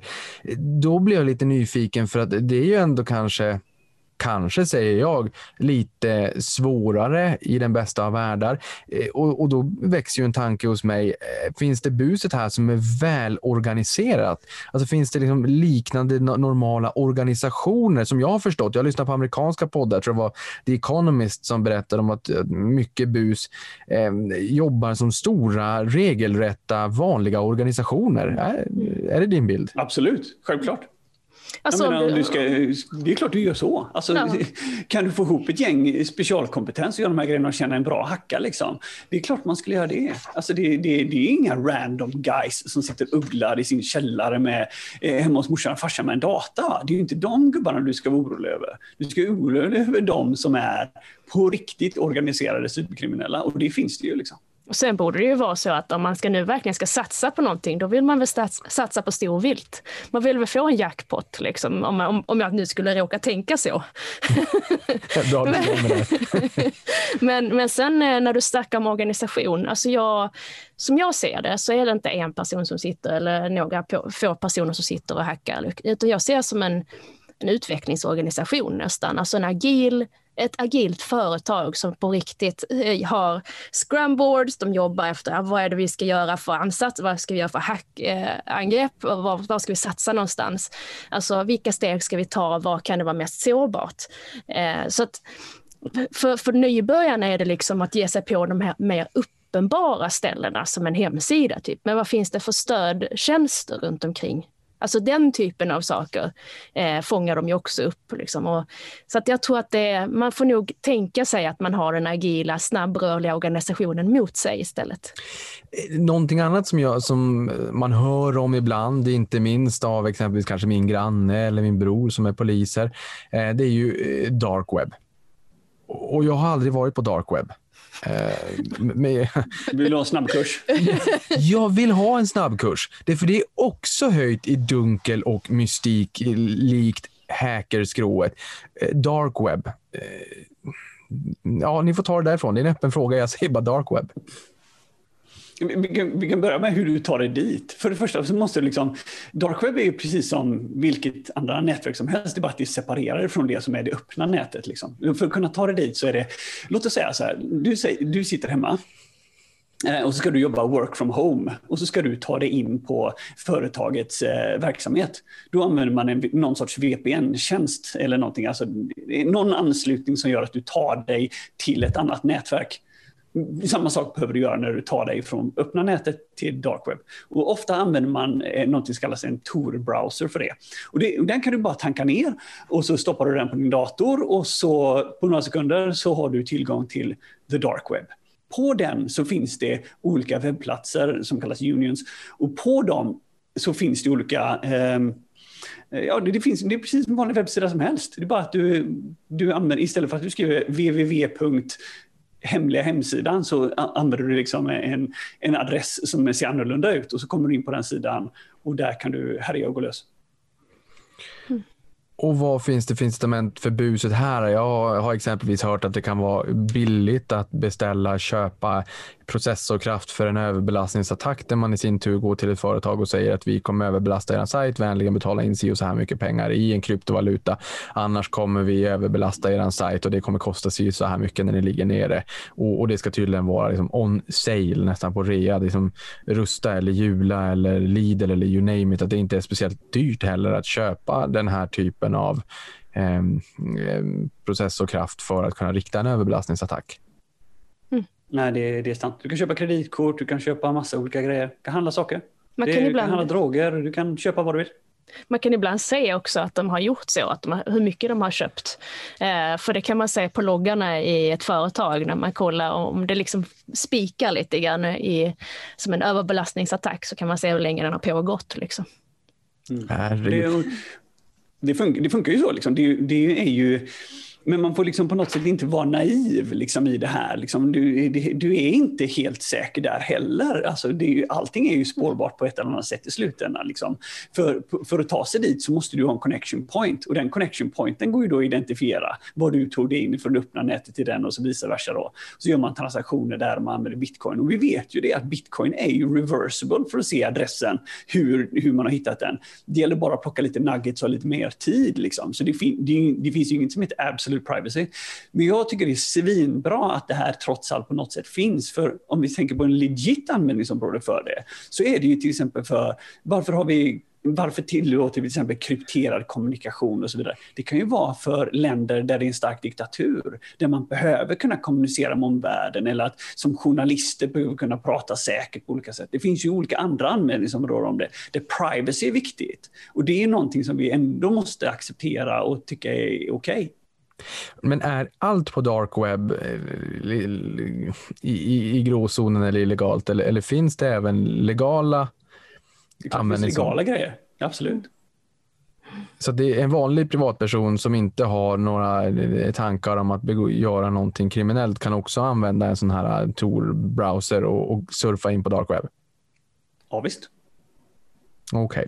Okay. Många flyttar ju sina servrar från on-prem eller on-premises. Eh, att man kanske har någon form av dataserverhall nere i källan och någon gubbe eller gumma som är duktig på det där och springer ner och, och patchar och gör allt möjligt och startar en dator som har stängts av och sådär och sen flyttar man upp det här till, eh, till molnet. Va, vad innebär det i termer av risk? Är, är det säkrare att ha prylarna i molnet, molnet som driftas av bolag som kanske har större ekonomiska resurser att bekämpa buset? Jag tänker Microsoft Azure växer ju jättekraftigt, Amazon Web Services växer jättekraftigt, Google har sin egen molnverksamhet som växer kraftigt. Molnverksamhet överlag eh, upplever ju en explosiv tillväxt där ute och många av våra nya tjänster digitala dito bygger ju sitt backbone. Nu använder jag ett ord som jag inte vet om det används korrekt. Jag tycker det, det känns bra att säga backbone. Som ryggraden av nya affärsmodeller bygger på mm, exempelvis Azure eller Amazon Web Services. Är det bättre och säkrare för bolagen att, att lägga upp sin, sin serverkapacitet i molnet? Alltså just nu skulle jag nog säga att eh, eh, det är många företag som redan har sina saker i molnet. Eh, har man saker internt så skulle man kunna kalla det för ett perimeterskydd. Alltså det är bara som en liten vägg, lite som en mur. Eh, om man jämför med muren mot eh, Centralamerika, liksom. vad är det den skyddar mot egentligen? Eh, man har ju fortfarande, liksom, även om du stoppar ut den här informationen i molnet så kan du inte bara ha den muren runt omkring din tjänst utan du måste bygga kluster och du måste ha säkerhet på en mer detaljerad nivå. Du ska nästan kunna plocka ner en server utan att någonting händer och sen ska du plocka upp en ny liksom, så att det ska vara uppe i drift. Så att du måste tänka lite annorlunda när det gäller arkitektur framöver, hur vi ska bygga det. Eh, och jag tror att eh, stannar man kvar i, liksom, eh, ha kvar sina prylar själv, så kan det också vara ett problem affärsmässigt. Att liksom hinna med i utvecklingen och vara konkurrenskraftig. Liksom. Den typen av problematik kan ju uppstå då om man låser in sig i sin sin bubbla. Någonting annat som jag tycker är intressant är ju att många flyttar ju sina servrar från on-prem till molnet. Alltså man har kanske hade en server nere i källaren när en gubbe eller gumma hade stenkoll på det där och startade om en dator som det kom in för mycket damm i fläkten eller patcha någonting eller vad det kan tänkas vara till att man faktiskt flyttar upp det till någon form av molntjänst från Microsoft Azure, Amazon Web Services eller Googles egen eh, molntjänst.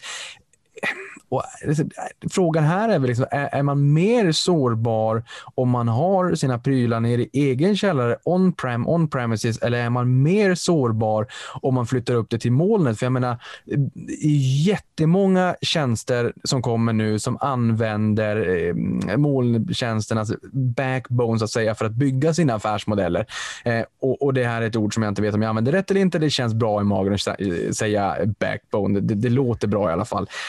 Eh, när du eh, anlitas av bolag och när du tittar på säkerhetsbrister, är det oftast bolagen som har sina prylar själv eller är det oftast bolagen som har eh, sina prylar i molnet som har flest brister?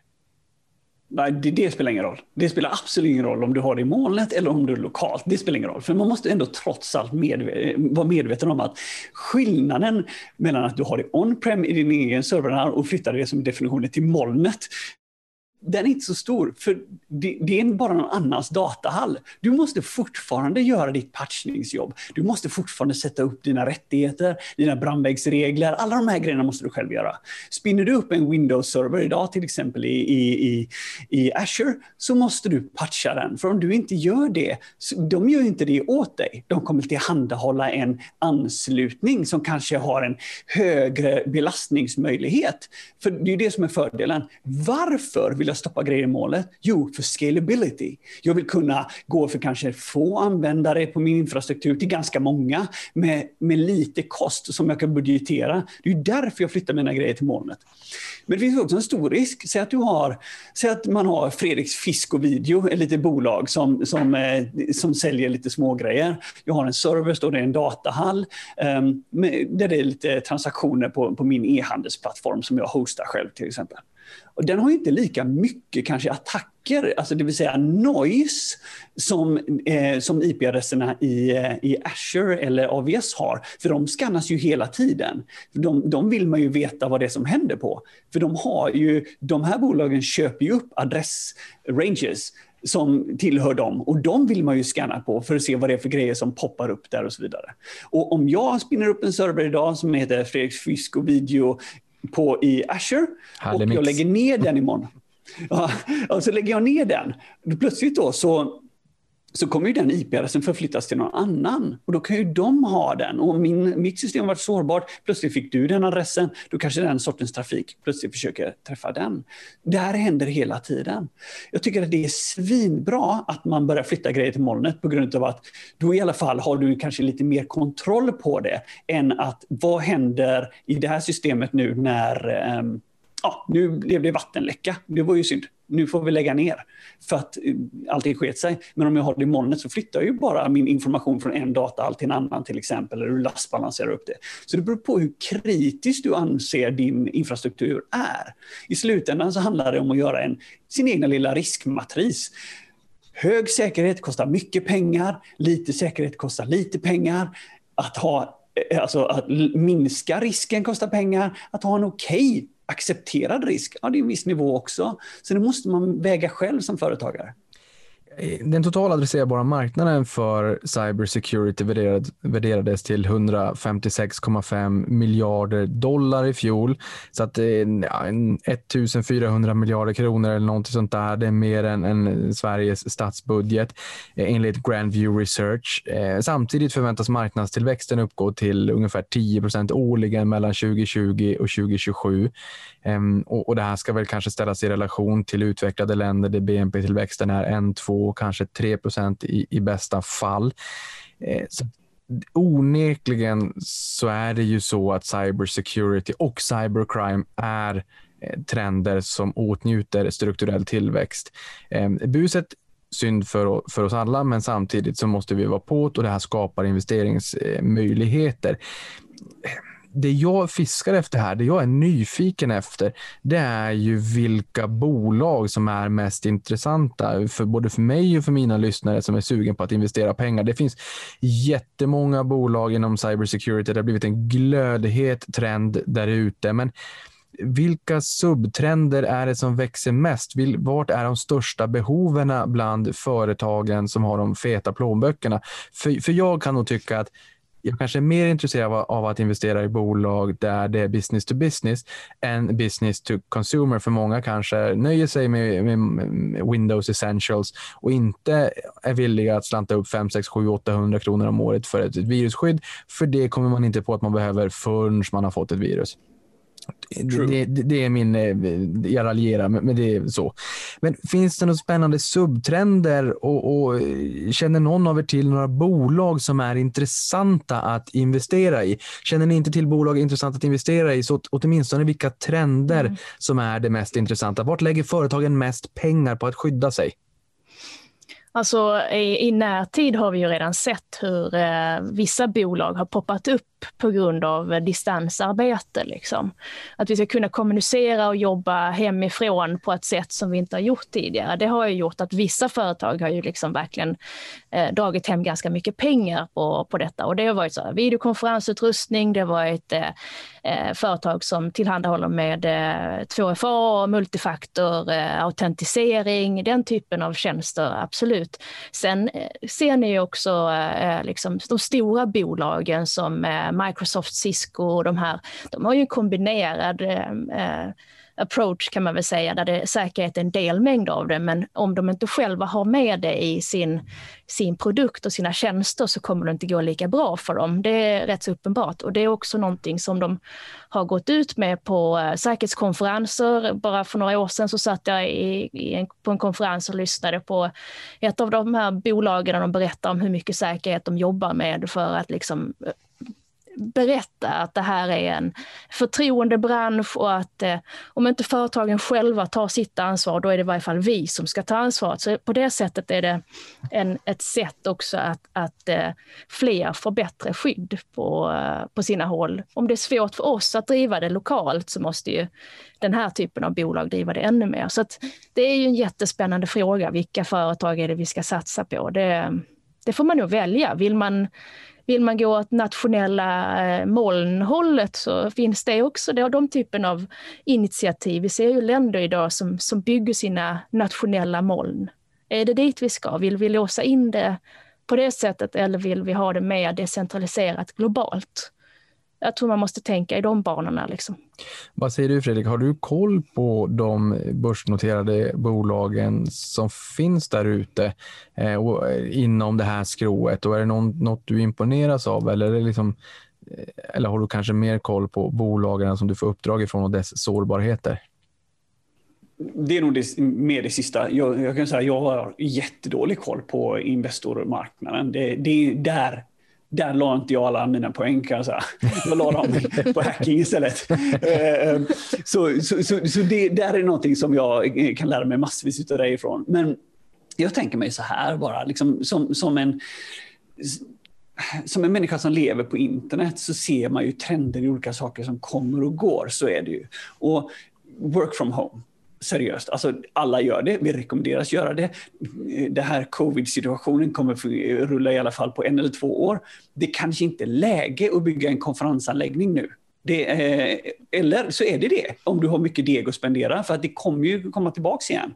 Men om du vill köra de här snabba, korta, så är det ju liksom, kolla på bolag som, som Slack till exempel, Zoom som vi använder idag. De här bolagen har ju fått göra jätteinsatser för att öka sin säkerhet. Zoom var ju pinsamt och är i vissa fall till och med bandlyst för att det är för jävla dåligt. Ursäkta. Men, men för det var för kast liksom. Och det, och det har ju de istället eh, gjort en stark insats för att lösa. Jag brukar säga så här, ja, men vi kan inte använda den här tjänsten för den är så otroligt osäker. Ja, men om de har gjort en effort till att försöka det. Det är som att säga så här, om du gick på den här restaurangen som hade, eh, där alla fick magsjuka eh, förra veckan. Ja, när är det bäst tid att gå till den restaurangen? Ja, det är ju idag. För förra veckan så blir alla magsjuka och hälsofolket eh, ehm, har varit där och gått igenom alltihop. De har fått byta ut allt kött, allting är up to date. Det är så fräscht det går att bli. Idag kanske den dagen jag ska gå dit och besöka dem. För om sex månader igen så har de glömt av sina grejer och då är vi back in the shit. Så det jag tänker mig att lite så är känslan, att man får se vilka trender som rullar om man är kortsiktig. Men det är ju så, work from home, alltså det ställs om. Det är San Francisco-bolag efter San Francisco-bolag som slutar och säger upp sina avtal. För folk kan faktiskt jobba hemifrån.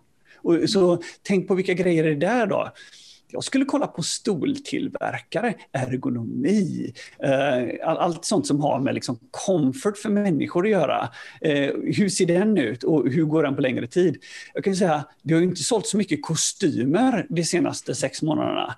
För folk behöver inte gå i kostym och träffa någon. Man sitter i ett par mjukisbrallor hemma typ och så eh, eh Kalle Anka-style, skjorta på, inga brallor. Det är ingen som ser det när du sitter i ett Zoom-meeting. Liksom där skulle jag nog hålla med mer. Att den här interaktionen över internet, leverans, leverantörer som levererar bandbredd. Vi har sett svenska leverantörer av internet har ju fått en riktig känga här nu för att de uppenbarligen inte kunde leverera den bandbredden som det var förväntat att de skulle göra, så folk är missnöjda. That's my two cents. Nej, riktigt intressant. Eh, men, men eh, mm, vi har varit in på det lite grann här tidigare också, säkerhetsrisker för företag. För vi har ju samhällsviktig kritisk infrastruktur, inte minst eh, sjukhus.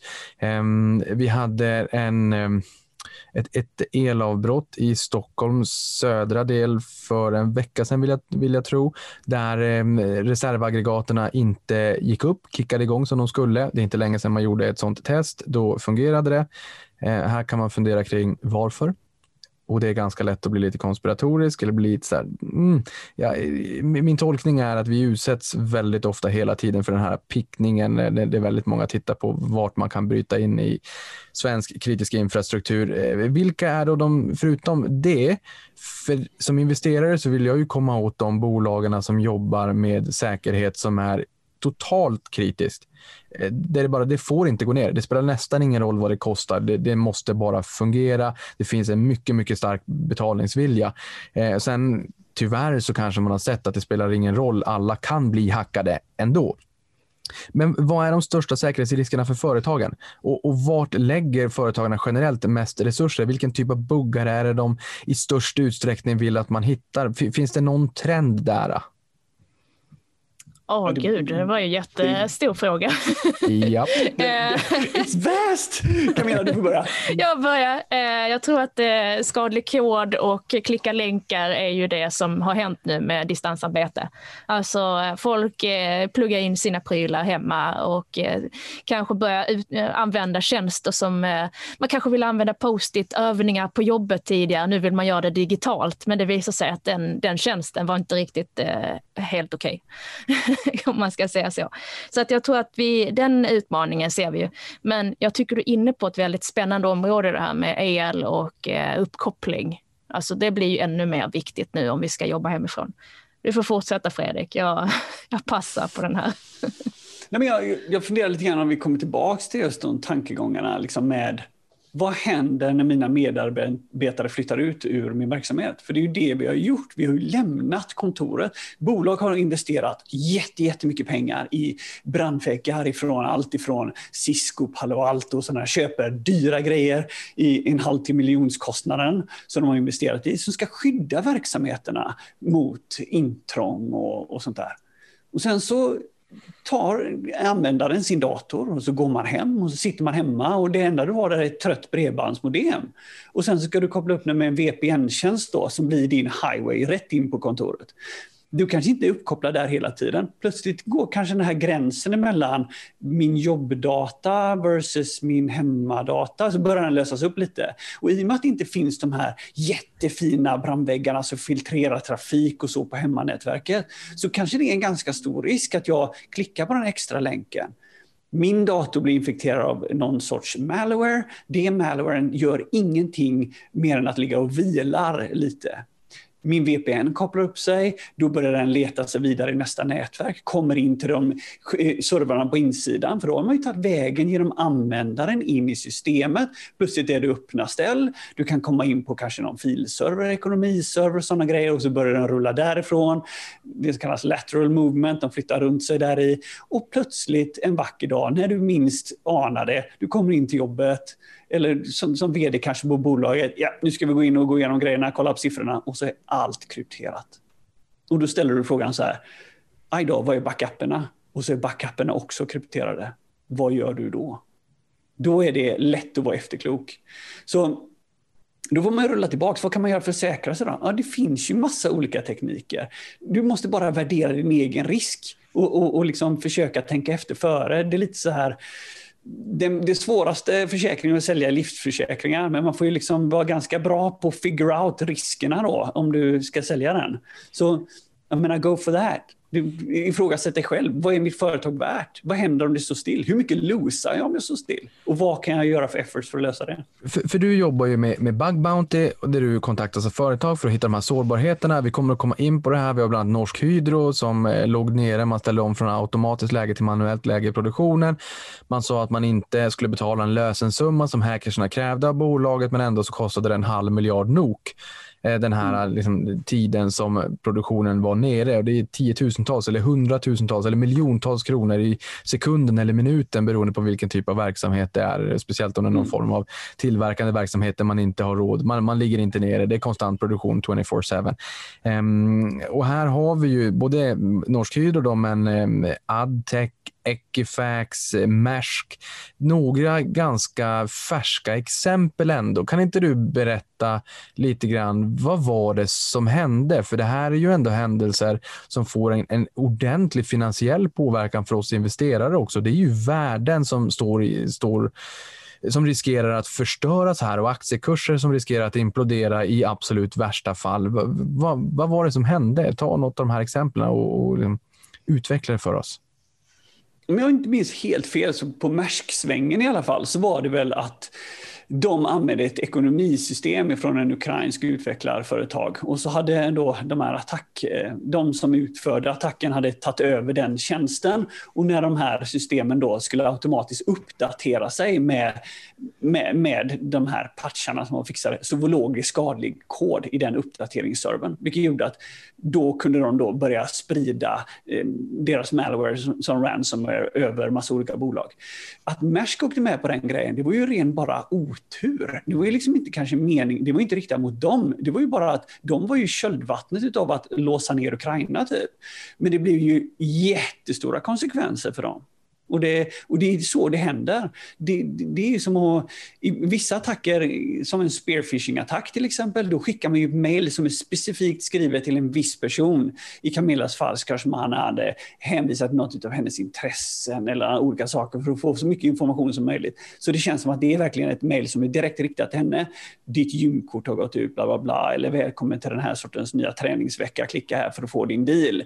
Det kan vara en viss grej, för hon kanske är intresserad av träning. Medan om den hade skickats till, eh, till någon annan så kanske det inte det hade varit samma effekt. Så där är liksom en av situationerna.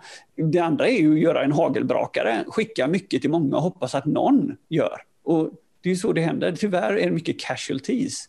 Det är kanske inte riktigt meningen att just det bolaget var en riktad attack mot, som i Maersk fall. De blev bara liksom, de åkte med bara någonting som jag är lite nyfiken på. Nu på morgonen som vi sa tidigare här så fick vi besked om att en attack mot svenska börsnoterade säkerhetskoncernen Gunnebo som är på väg ut från börsen och fått ett bud på sig utsattes för en läcka i, eh, av information här i, i, i, somras. Eller det var egentligen bara man varit utsatt för en attack. Och sen, där sa man att det, det där var inte speciellt allvarligt. Nu på morgonen fick vi ju eh, besked om att det var en massiv läcka av information.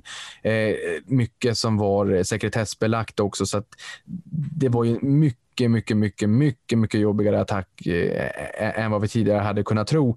Eh, det här funderar man ju på om det här bara är toppen av ett isberg. Har ni någon känsla för hur, hur ofta börsbolagen faktiskt erkänner att de har blivit hackade, breached Eh, ofta säger man att vi betalar inget bitcoin, de vill ha betalt, vi betalar absolut inte.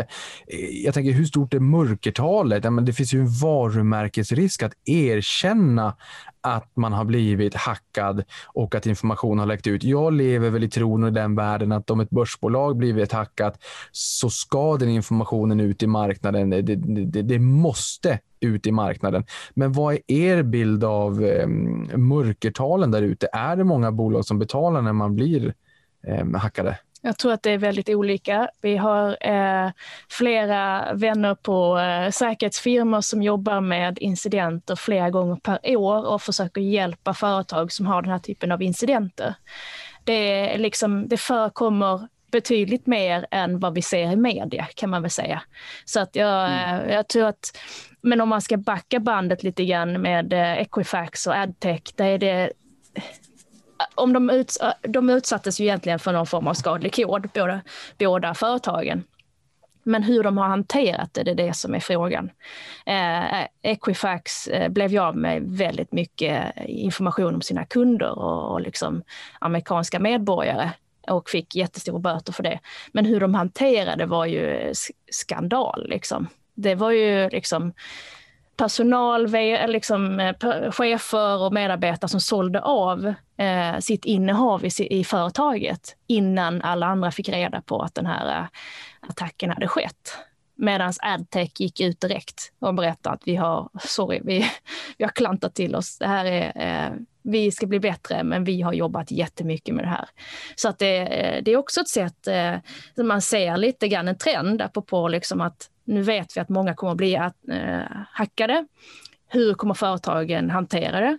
Och i vissa fall har man också snackat om att företag kan dra nytta av att de har blivit eh, angripna.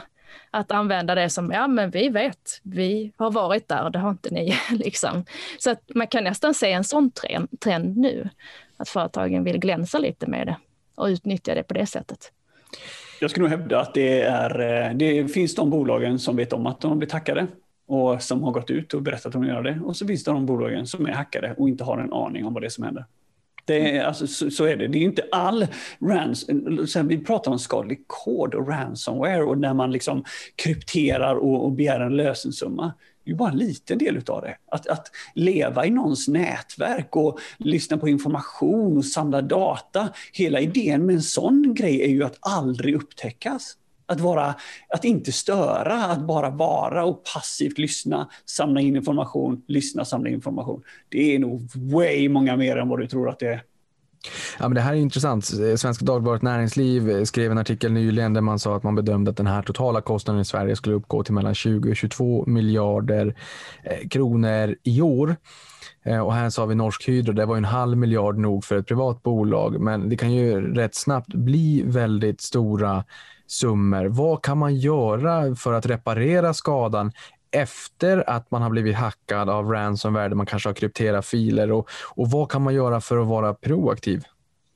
Men det är väl det här som, som Adtech gjorde nu i detta läget, att de tog kommandot och visade utåt att de jobbar med frågan. Liksom. Eh, men det är det här med att vara transparent, att man jobbar, man visar att man, man bryr sig och att man inte vill att eh, kunderna ska bli påverkade. Det är ju det som är Eh, det viktiga i de här frågorna. Vad känner du själv, Fredrik? jag håller med. Alltså, jag är super pro transparency. Alltså jag litar ju, om ett bolag sitter och säger så här, okej okay, nu har vi gjort de här rapporterna, så här mycket breaches har vi haft, våra bug bounty-program har hittat de här buggarna, de har vi åtgärdat, vi jobbar aktivt med säkerhet hela tiden. Det, du som kund är viktig för oss. Om det blir en breach så kommer vi gå ut med den och vi kommer rapportera om det. Vi skäms inte. Eh, vi delar ut oss av alla våra rapporter vi har, det som vi är bra på, det som vi är dåligt på. Ett sådant bolag skulle jag ju vilja eh, använda den tjänsten. För då vet jag ju, de jobbar ju aktivt. De har ju det som kallas en säkerhetsmognad. Men ett bolag som säger så här, nej fan vi blir aldrig hackade, det skulle aldrig hända oss. Ja, men vad, vad lever du för på planet? Liksom? Det är, det är mycket, mycket bättre med de som gör ett aktivt eh, säkerhetsarbete. För det visar på mognad och bra security posture. Men bolagen generellt där ute då, är det en god kompetens och hög säkerhetsmognad bland bolag, gärna börsnoterade bolag också? Eh, eller har vi mer kvar att göra? Alltså hur väl införstådda är man med de hoten som lurkar i den digitala världen? Jag tror vi kan eh, blicka på de regelverk som redan kommer och har funnits ett tag inom det här området. Eh, internationellt, eller i varje fall inom EU, så finns det väldigt mycket krav inom säkerhet på olika sektorer. Finansiell sektor är verkligen en sån. Där man ser att det blir påtryckningar för liksom förändringarna att ske i våra bolag. Eh, så jag tror att svaret är nog att eh, det finns mer att göra i, i i börsnoterade bolag. Eh, det finns säkert en hel del krav på dem att, att åstadkomma det här. Eh, men jag tror att mycket mer behöver göras. Så, så är det ju. Och man måste också förstå det så här. Vi lever i en värld idag precis som vi förklarade förut, liksom, internet lever. Att göra en analys av ett system eller en quality assurance eller en pentest fyra gånger om året, en gång i kvartalet, medan du jobbar med system som uppdateras kanske på veckobasis. Eh, man måste börja tänka om. Du måste ha continuous säkerhetskontroll av dina system för att det här ska kunna fungera. För det, för annars vet du ju inte att det funkar. Du måste bli bättre på att kolla dina loggar. Vad är det som händer internt? Du behöver utbilda din personal, du behöver ta ett ansvar. Eh, och man kan inte bara förlita sig på att någon annan ska lösa de grejerna åt en. Utan det är en kulturförändring som måste ske. För så fort du börjar göra business eller använder system på internet eller börjar kommunicera, med det så kommer det ett ansvar. Och det är som man som ledning i slutändan, sitta som vd på bolag och inte ha koll på vilka säkerhetsinsatser man har. Då hade jag varit orolig. Liksom. Ja, det kan ju uppenbarligen eh, i värsta fall rämna eh, förtroendet för bolaget och hela affärsmodellen. Eh, för jag tänker, nu kommer ju 5G och Internet of Things och allting ska vara uppkopplat. Vad kommer det här innebära för Ehm, för, för, er verklighet? Vad, vad, kommer det innebära för, för cybersäkerhet och, och cyberbuset, inte minst när vi, när vi ska ha så många fler prylar eh, Eh, per individ, per hushåll uppkopplade? Men där ser vi ju redan att, vi, att eh, området har utnyttjats något eh, katastrofalt när man vill egentligen dedosa, överbelasta företag med IoT eller Internet of Things-prylar. Eh, I Europa så har vi också sett att det liksom finns redan på gång eller har implementerat Cyber Security Act. liksom kravställning på den typen av eh, prylar som nästan kan, på, kan påminna om CE-märkning på elprylarna. Liksom. Mer av det kommer vi att se. Och det kommer ju också utmana den marknaden där man inte kan upprätthålla den typen av säkerhet i de uppkopplade prylarna. Så att det, vi kommer se mer påtryckningar där regelmässigt. Ja, för du Fredrik, du pratade om din NAS eh, som hade standard admin admin. Eh, det är väl samma sak med Internet of Things när vi har massor av prylar uppkopplade, att vi inte byter ut standardlösenord. Ja, jo, absolut. Visst är det så. Och, och, och det, alltså det här är en sån jävla superspännande grej, för den är ju liksom så här, det, det, det här är lite, lite grann som att kolla på en skräckfilm för folk som är intresserade av IT-säkerhet. För det är liksom så här, små startupbolag kommer ut med en ny amazing grej som de måste pusha fort som fan to market. Och så kommer den ut och så första släppet är rent ut, rent ut sagt skitdåligt. Men de tänker så här, vi löser det på vägen, bara vi får ut produkten och den kommer ut. Och så är det kryss antal människor som köper den produkten. Och jag vet inte hur ofta du går in på dina så här, Internet of Things-grejer eh, och uppdaterar deras firmware för att säkra dem eller programmerar om dem. Så här. Det, det, gör inte Svenne, liksom, utan det, det, man hoppas bara, jag köpte den grejen, de är bra typ. Jag får lita på det bolaget. Eh, det, det funkar ju i min verksamhet. Tyvärr ser inte verkligheten ut så, utan du som konsument måste ju ta hand om de här grejerna. För det bolaget kan ju konka efter tre år eller läggas ner eller köpas upp. Och då blir den produkten det som definieras som en, definieras som en legacy-produkt, en produkt som inte stöds för utveckling längre. Och plötsligt sitter du med liksom en grej som är minst sagt apkass. Alltså det, det, hur ofta byter du ditt kylskåp? Liksom? Hur gör du de här grejerna? Ska de då, då måste man ju ha en design där i som är byggd att de automatiskt uppdateras och säkras. Men så blir det ju huvudbolaget hackat. Och så uppdateras din frys och plötsligt är din frys bara en del av en världsstor attack på att sänka en, en, ett annat bolag på andra sidan världen. Det är så komplext så klockorna stannar. Och med 5G, ju mer kraft vi kan skicka, ju större paket kan vi skicka, ju enklare kan vi plocka ner saker. This is hilariously fun. jag, får nästan, jag får nästan ont i huvudet av eh, eh liksom all information som jag inser inte finns i mitt huvud just nu som jag, vill, som jag gärna vill ha eh, när det kommer till de börsnoterade bolagen inom cybersecurity. För jag, jag, inser ju den bilden ni målar upp att det är en enorm adresserbar marknad som växer fram i detta nu när vi spelar in denna podd. Både den här kritiska infrastrukturen som aldrig får fela men som tyvärr gör ändå till det uppkopplade akvariumet eller kylskåpen som kanske hjälper att sänka ett bolag på andra sidan pölen. Eh, och inte sällan så pratas det ju om eh, främmande makt där man i stor utsträckning använder sig av hackers för att komma åt känslig information. Kina, Ryssland, Iran och Nordkorea lyfts ofta fram. Eh, här bara för något halvår sedan, år sedan så tog man ju en eh, rysk spion på Kungsgatan på en restaurang och det är väl förmodligen kanske inte vardagsmat, men, men eh, spioner finns det ju och har alltid funnits i alla tider. I de digitala varianterna växer självfallet fram. Man ger ofta Nordkorea kritik för WannaCry, huruvida det var dem, eh, jag har ingen aning. Men, men hur, hur, vanligt är det att samhället attackeras av främmande makt? Vi har varit in på det här lite grann i början av podden, men, men ta Sverige som exempel. Hur stort är säkerhetshotet mot Sverige från främmande makt? Wow. Liten fråga va? Liten fråga. Alltså jag skulle, om jag får eh, byta riktning så skulle jag nog säga, om vi tittar på USA just nu den närmsta veckan, Eh, och de, eh, de attacker som sker, sker i och med valsystemet, eller liksom eh, valet som bedrivs just nu. Fredrik var inne på det, att när man vill, om man är riktigt vass hacker så kan man också försöka sopa igen sina spår. Man kan också skylla ifrån sig. Man kan ju, man kan ju plocka in information som ser ut att vara från Nord, Nordkorea också eh, och egentligen vara någon annanstans ifrån. Så att jag, jag tror att det, det, där är en komplex fråga, eh, vem som gör vad och hur mot varandra. Utan det, jag tror att det där svänger väldigt mycket politiskt och. Så även inhemskt på marken i USA så kan man hacka och få det att se ut som att det skulle vara exempelvis Absolut. Nordkorea eller Ryssland eller Kina som kanske är känsliga i just det amerikanska eh, presidentvalet och, och, att det är lätt att skylla på att valutgången mm. påverkades av Kina eller Ryssland men att det faktiskt har gjorts en påverkansoperation från amerikansk mark. Um, Fast det funkar ju inte så. Tyvärr, eh, I'm sorry, där, där är du inte med. för, för, internet har inga landsgränser. Nej. Utan, utan det är ju, låt oss säga då att du har en, du har en eh, Säg du sitter, Nordkorea är kanske lite svårt, men säg att du sitter i Syd, Sydkorea och så har du en dator som är där och så tillåter, um, och så sitter jag hemma i Sverige, så kopplar jag upp mig med antingen en VPN eller ett malware och så plötsligt är jag ju den datorn på andra sidan världen och så utför jag attacken därifrån. Plötsligt ser det ut som att attacken kommer från Nordkorea. Den kommer inte alls från Sverige. Så det här med vilket land du sitter i, det är helt ointressant. För det är inte det som är grejen. Man måste veta vad är orsaken till varför mm. någon vill göra någonting.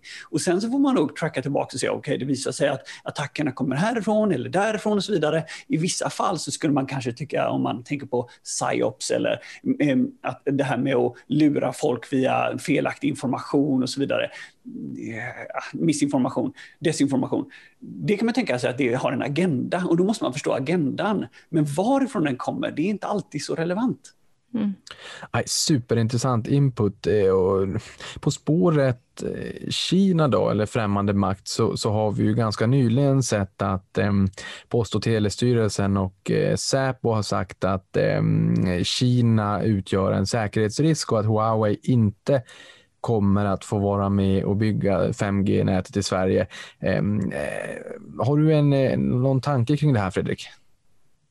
Ja, men det är väl klart. Alltså, de har ju gjort tester på det här och så inser de ju då liksom att okej, okay, det verkar som att de, jag har inte läst några rapporter så jag får ju bara liksom killgissa här så gott det går. Men låt oss säga att någon utvecklar ett chip, för det ska ju vara ett chip i någon device, någon, någon sak som sitter någonstans. Om det chippet innehåller grejer som inte ser 100% okej okay ut eller att programkoden verkar kunna uppdateras på distans eller att det finns information som kanske de har hittat på en egen krypteringsalgoritm som är då den här den säkra krypteringsalgoritmen fast de har nyckeln för att avkryptera den, då kan ju de läsa all trafik i klartext.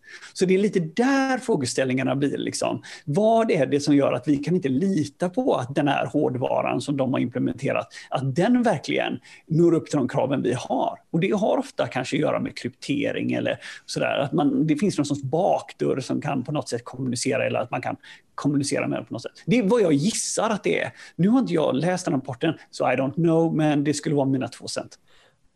Vad säger du Camilla?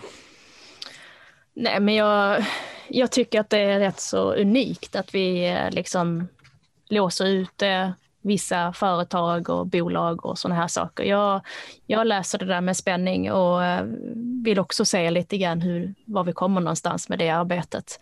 För vad säger att vi har 100 procent koll på de bolag som ska jobba med det här framöver. Det är ändå liksom, kan vara intern personal, det kan vara lång, alltså om man ska vara lite foliehatt här. Hur länge kan man vara i infiltrerat bolag liksom? och göra påverkan i processer? Det, alltså jag, jag vet inte. Det är en svår fråga. Vad kan man göra som infiltratör? Säg att jag är en person som är intresserad av ett bolag och får ut, extrahera information därifrån. Jag jobbar för en annan, organisation. Eh, cyberspionage, det är en multimiljardindustri globalt eh, säg att jag blir anställd på det här bolaget som jag vill utföra attacken på. Vad kan jag som eh, kriminell undercover eh, som blir anställd på det här bolaget, vad kan jag göra då? Alltså jag... Skäl information. Ja, verkligen. Det måste det är bara att kopiera Alltså, du sa okej, okay, du jobbar på det här bolaget, vad kul. Och du har en laptop, den får du ha med dig hem. Ja, vad kul. Jobbdatan, USB-portarna måste vara igång för att du ska kunna stoppa in kameran. Mm. Och, och, om du då låser ner så här, okej, okay, vi får inte använda USB-minnen här nu för man får inte läsa ut data. Nej, men jag har ju Dropbox på den här så det är ju bara att köra då, I guess. Mm. Alltså, var går gränsen? Idag, det finns mycket shadow IT som man pratar om. Mm. Folk, om inte verksamheten tillhandahåller det som användarna i systemet behöver, enkel fildel avdelning, kunna stoppa in kameror och sådana här grejer. Om inte de tillhandahåller det utan de säger att du får gå och köpa den på gatan hemma, sätta upp det på reseräkningen, så är det plötsligt en risk för då vet du inte vems chip det sitter i den.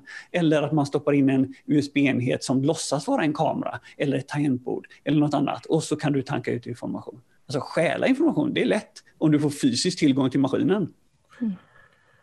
Man tycker att det är väldigt intressant, det är olika hotbilder, att man inte bara tänker på att det är de där cyberkriminella som är, har extremt mycket kunskap som ska hacka oss, liksom, utan att man tänker också på de nybörjarna som nu vill testa sig fram lite grann och där ska man inte kunna göra liksom, stora, eh, stor skada på ett företag, men också insider, att man tänker inifrån att försöka skydda sig i flera olika lager och ha loggar och behörighetstilldelning eh, och sånt där. Liksom.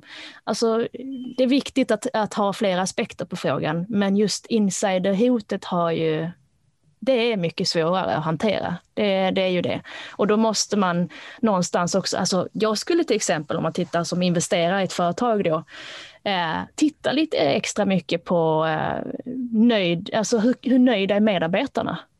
Alltså om du har medarbetare som är missnöjda, då kan det innebära skada för företaget. Men har du riktigt bra liksom, värdering, eller du kan ju egentligen kolla det i årsredovisningar och sånt där, hur pass bra eh, jobbar med företaget med eh, arbetsmiljö och, och, personal. Det kommer ju bidra till att liksom minska eh, eller liksom reducera den risken en insider kan ju oftast vara liksom en person som är så pass missnöjd på sin chef att den liksom raderar en hel databas eller plockar ut pengar på olika sätt. Liksom. Men du kan ju göra åtgärder för att komma åt det. Ja, det är oerhört intressant och tiden går fort när man har roligt. Tiden har gått jättefort under den här inspelningen. Eh, är det någonting som vi inte har, har berört men som någon av er tycker är oerhört intressant att skicka med till mina lyssnare?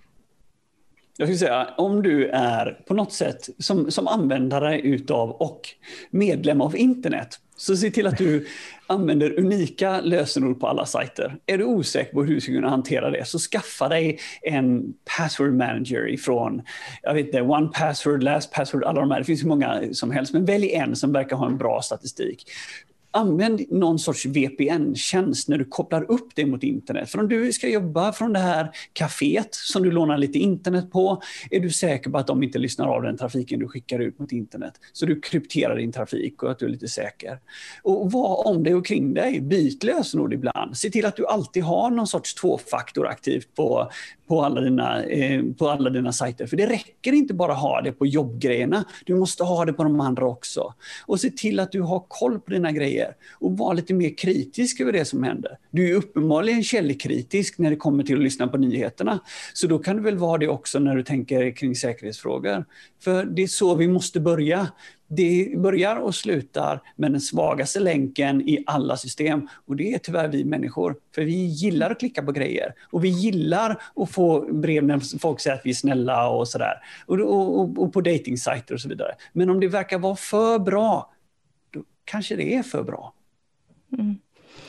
Eh, jag skulle nog säga att eh, utöver alla bra saker som Fredrik nyss sa så skulle jag Eh, som eh, aktieägare och investerare så skulle jag nog eh, försökt pusha lite mer för säkerhetsfrågorna i, i läsa årsredovisningarna, kolla företagens mognad kring säkerhetsfrågor pusha lite mer för advisory boards, eh, styrelser med säkerhetskompetens. Eh, det finns några i Sverige idag som eh, vi vet är säkerhetsexperter som är både rådgivare och är med i styrelser. Eh, som, men det börjar poppa upp lite mer. Jag tror att vi kommer se mycket mer av det i framtiden. Så att jag, jag tror att vi genom det här ekosystemet att påverka från olika håll skapar egentligen en robustare samhälle och bättre tjänster som skyddar oss allihop. Så det är det jag trycker på. Spännande. Fredrik, du är ju som du har kallat det en hackfluencer. Eh, du eh, gillar att utbilda och informera i den här typen av frågor. Du finns i sociala medier, du har ett Youtube-konto där man också kan följa med dig på inte minst hackathon. Jag tror att jag eh, säger rätt nu. Men där du är ute och, och hackar och, och, flänger världen runt och, och hittar på massa spännande grejer. Det är många som tittar på det här, inte minst mina Twitterföljare. Som när jag sa att du skulle gästa podden så var det ett gäng som eh, redan visste vem du var. Ehm, hur, men för de som inte känner till det sedan tidigare, hur följer man dig? Var hittar man dig? Enklast är att gå in på eh, stökfredrik.com, stokfredrik.com eh, eller i alla sociala medier så är min, mitt handle stokfredrik. Så det är youtube.com stokfredrik, twitter.com stokfredrik, eh, Instagram, alla de här vanliga kommunikationskanalerna. Finns som Fredrik Alexandersson på LinkedIn eh, och det är bara eh, där, där, lever jag och är intresserad av att veta mer om cybersecurity och education och det här med, med bounties och, och sånt som jag håller på med så är det de plattformarna ni kan spana på. Underbart. Jag antar att du har tvåfaktors autentisering på dina plattformar. Det, gör, det har jag. Jag har det på allt. Jag, aldrig, jag återanvänder inga lösenord. Hörrni, tusen tack för att ni var med i podden idag. Det har varit oerhört intressant. Riktigt kul att ha er med. Stort tack. Tack så mycket. Ta hand om dig. Ta hand om er och tack för att ni lyssnade på det här.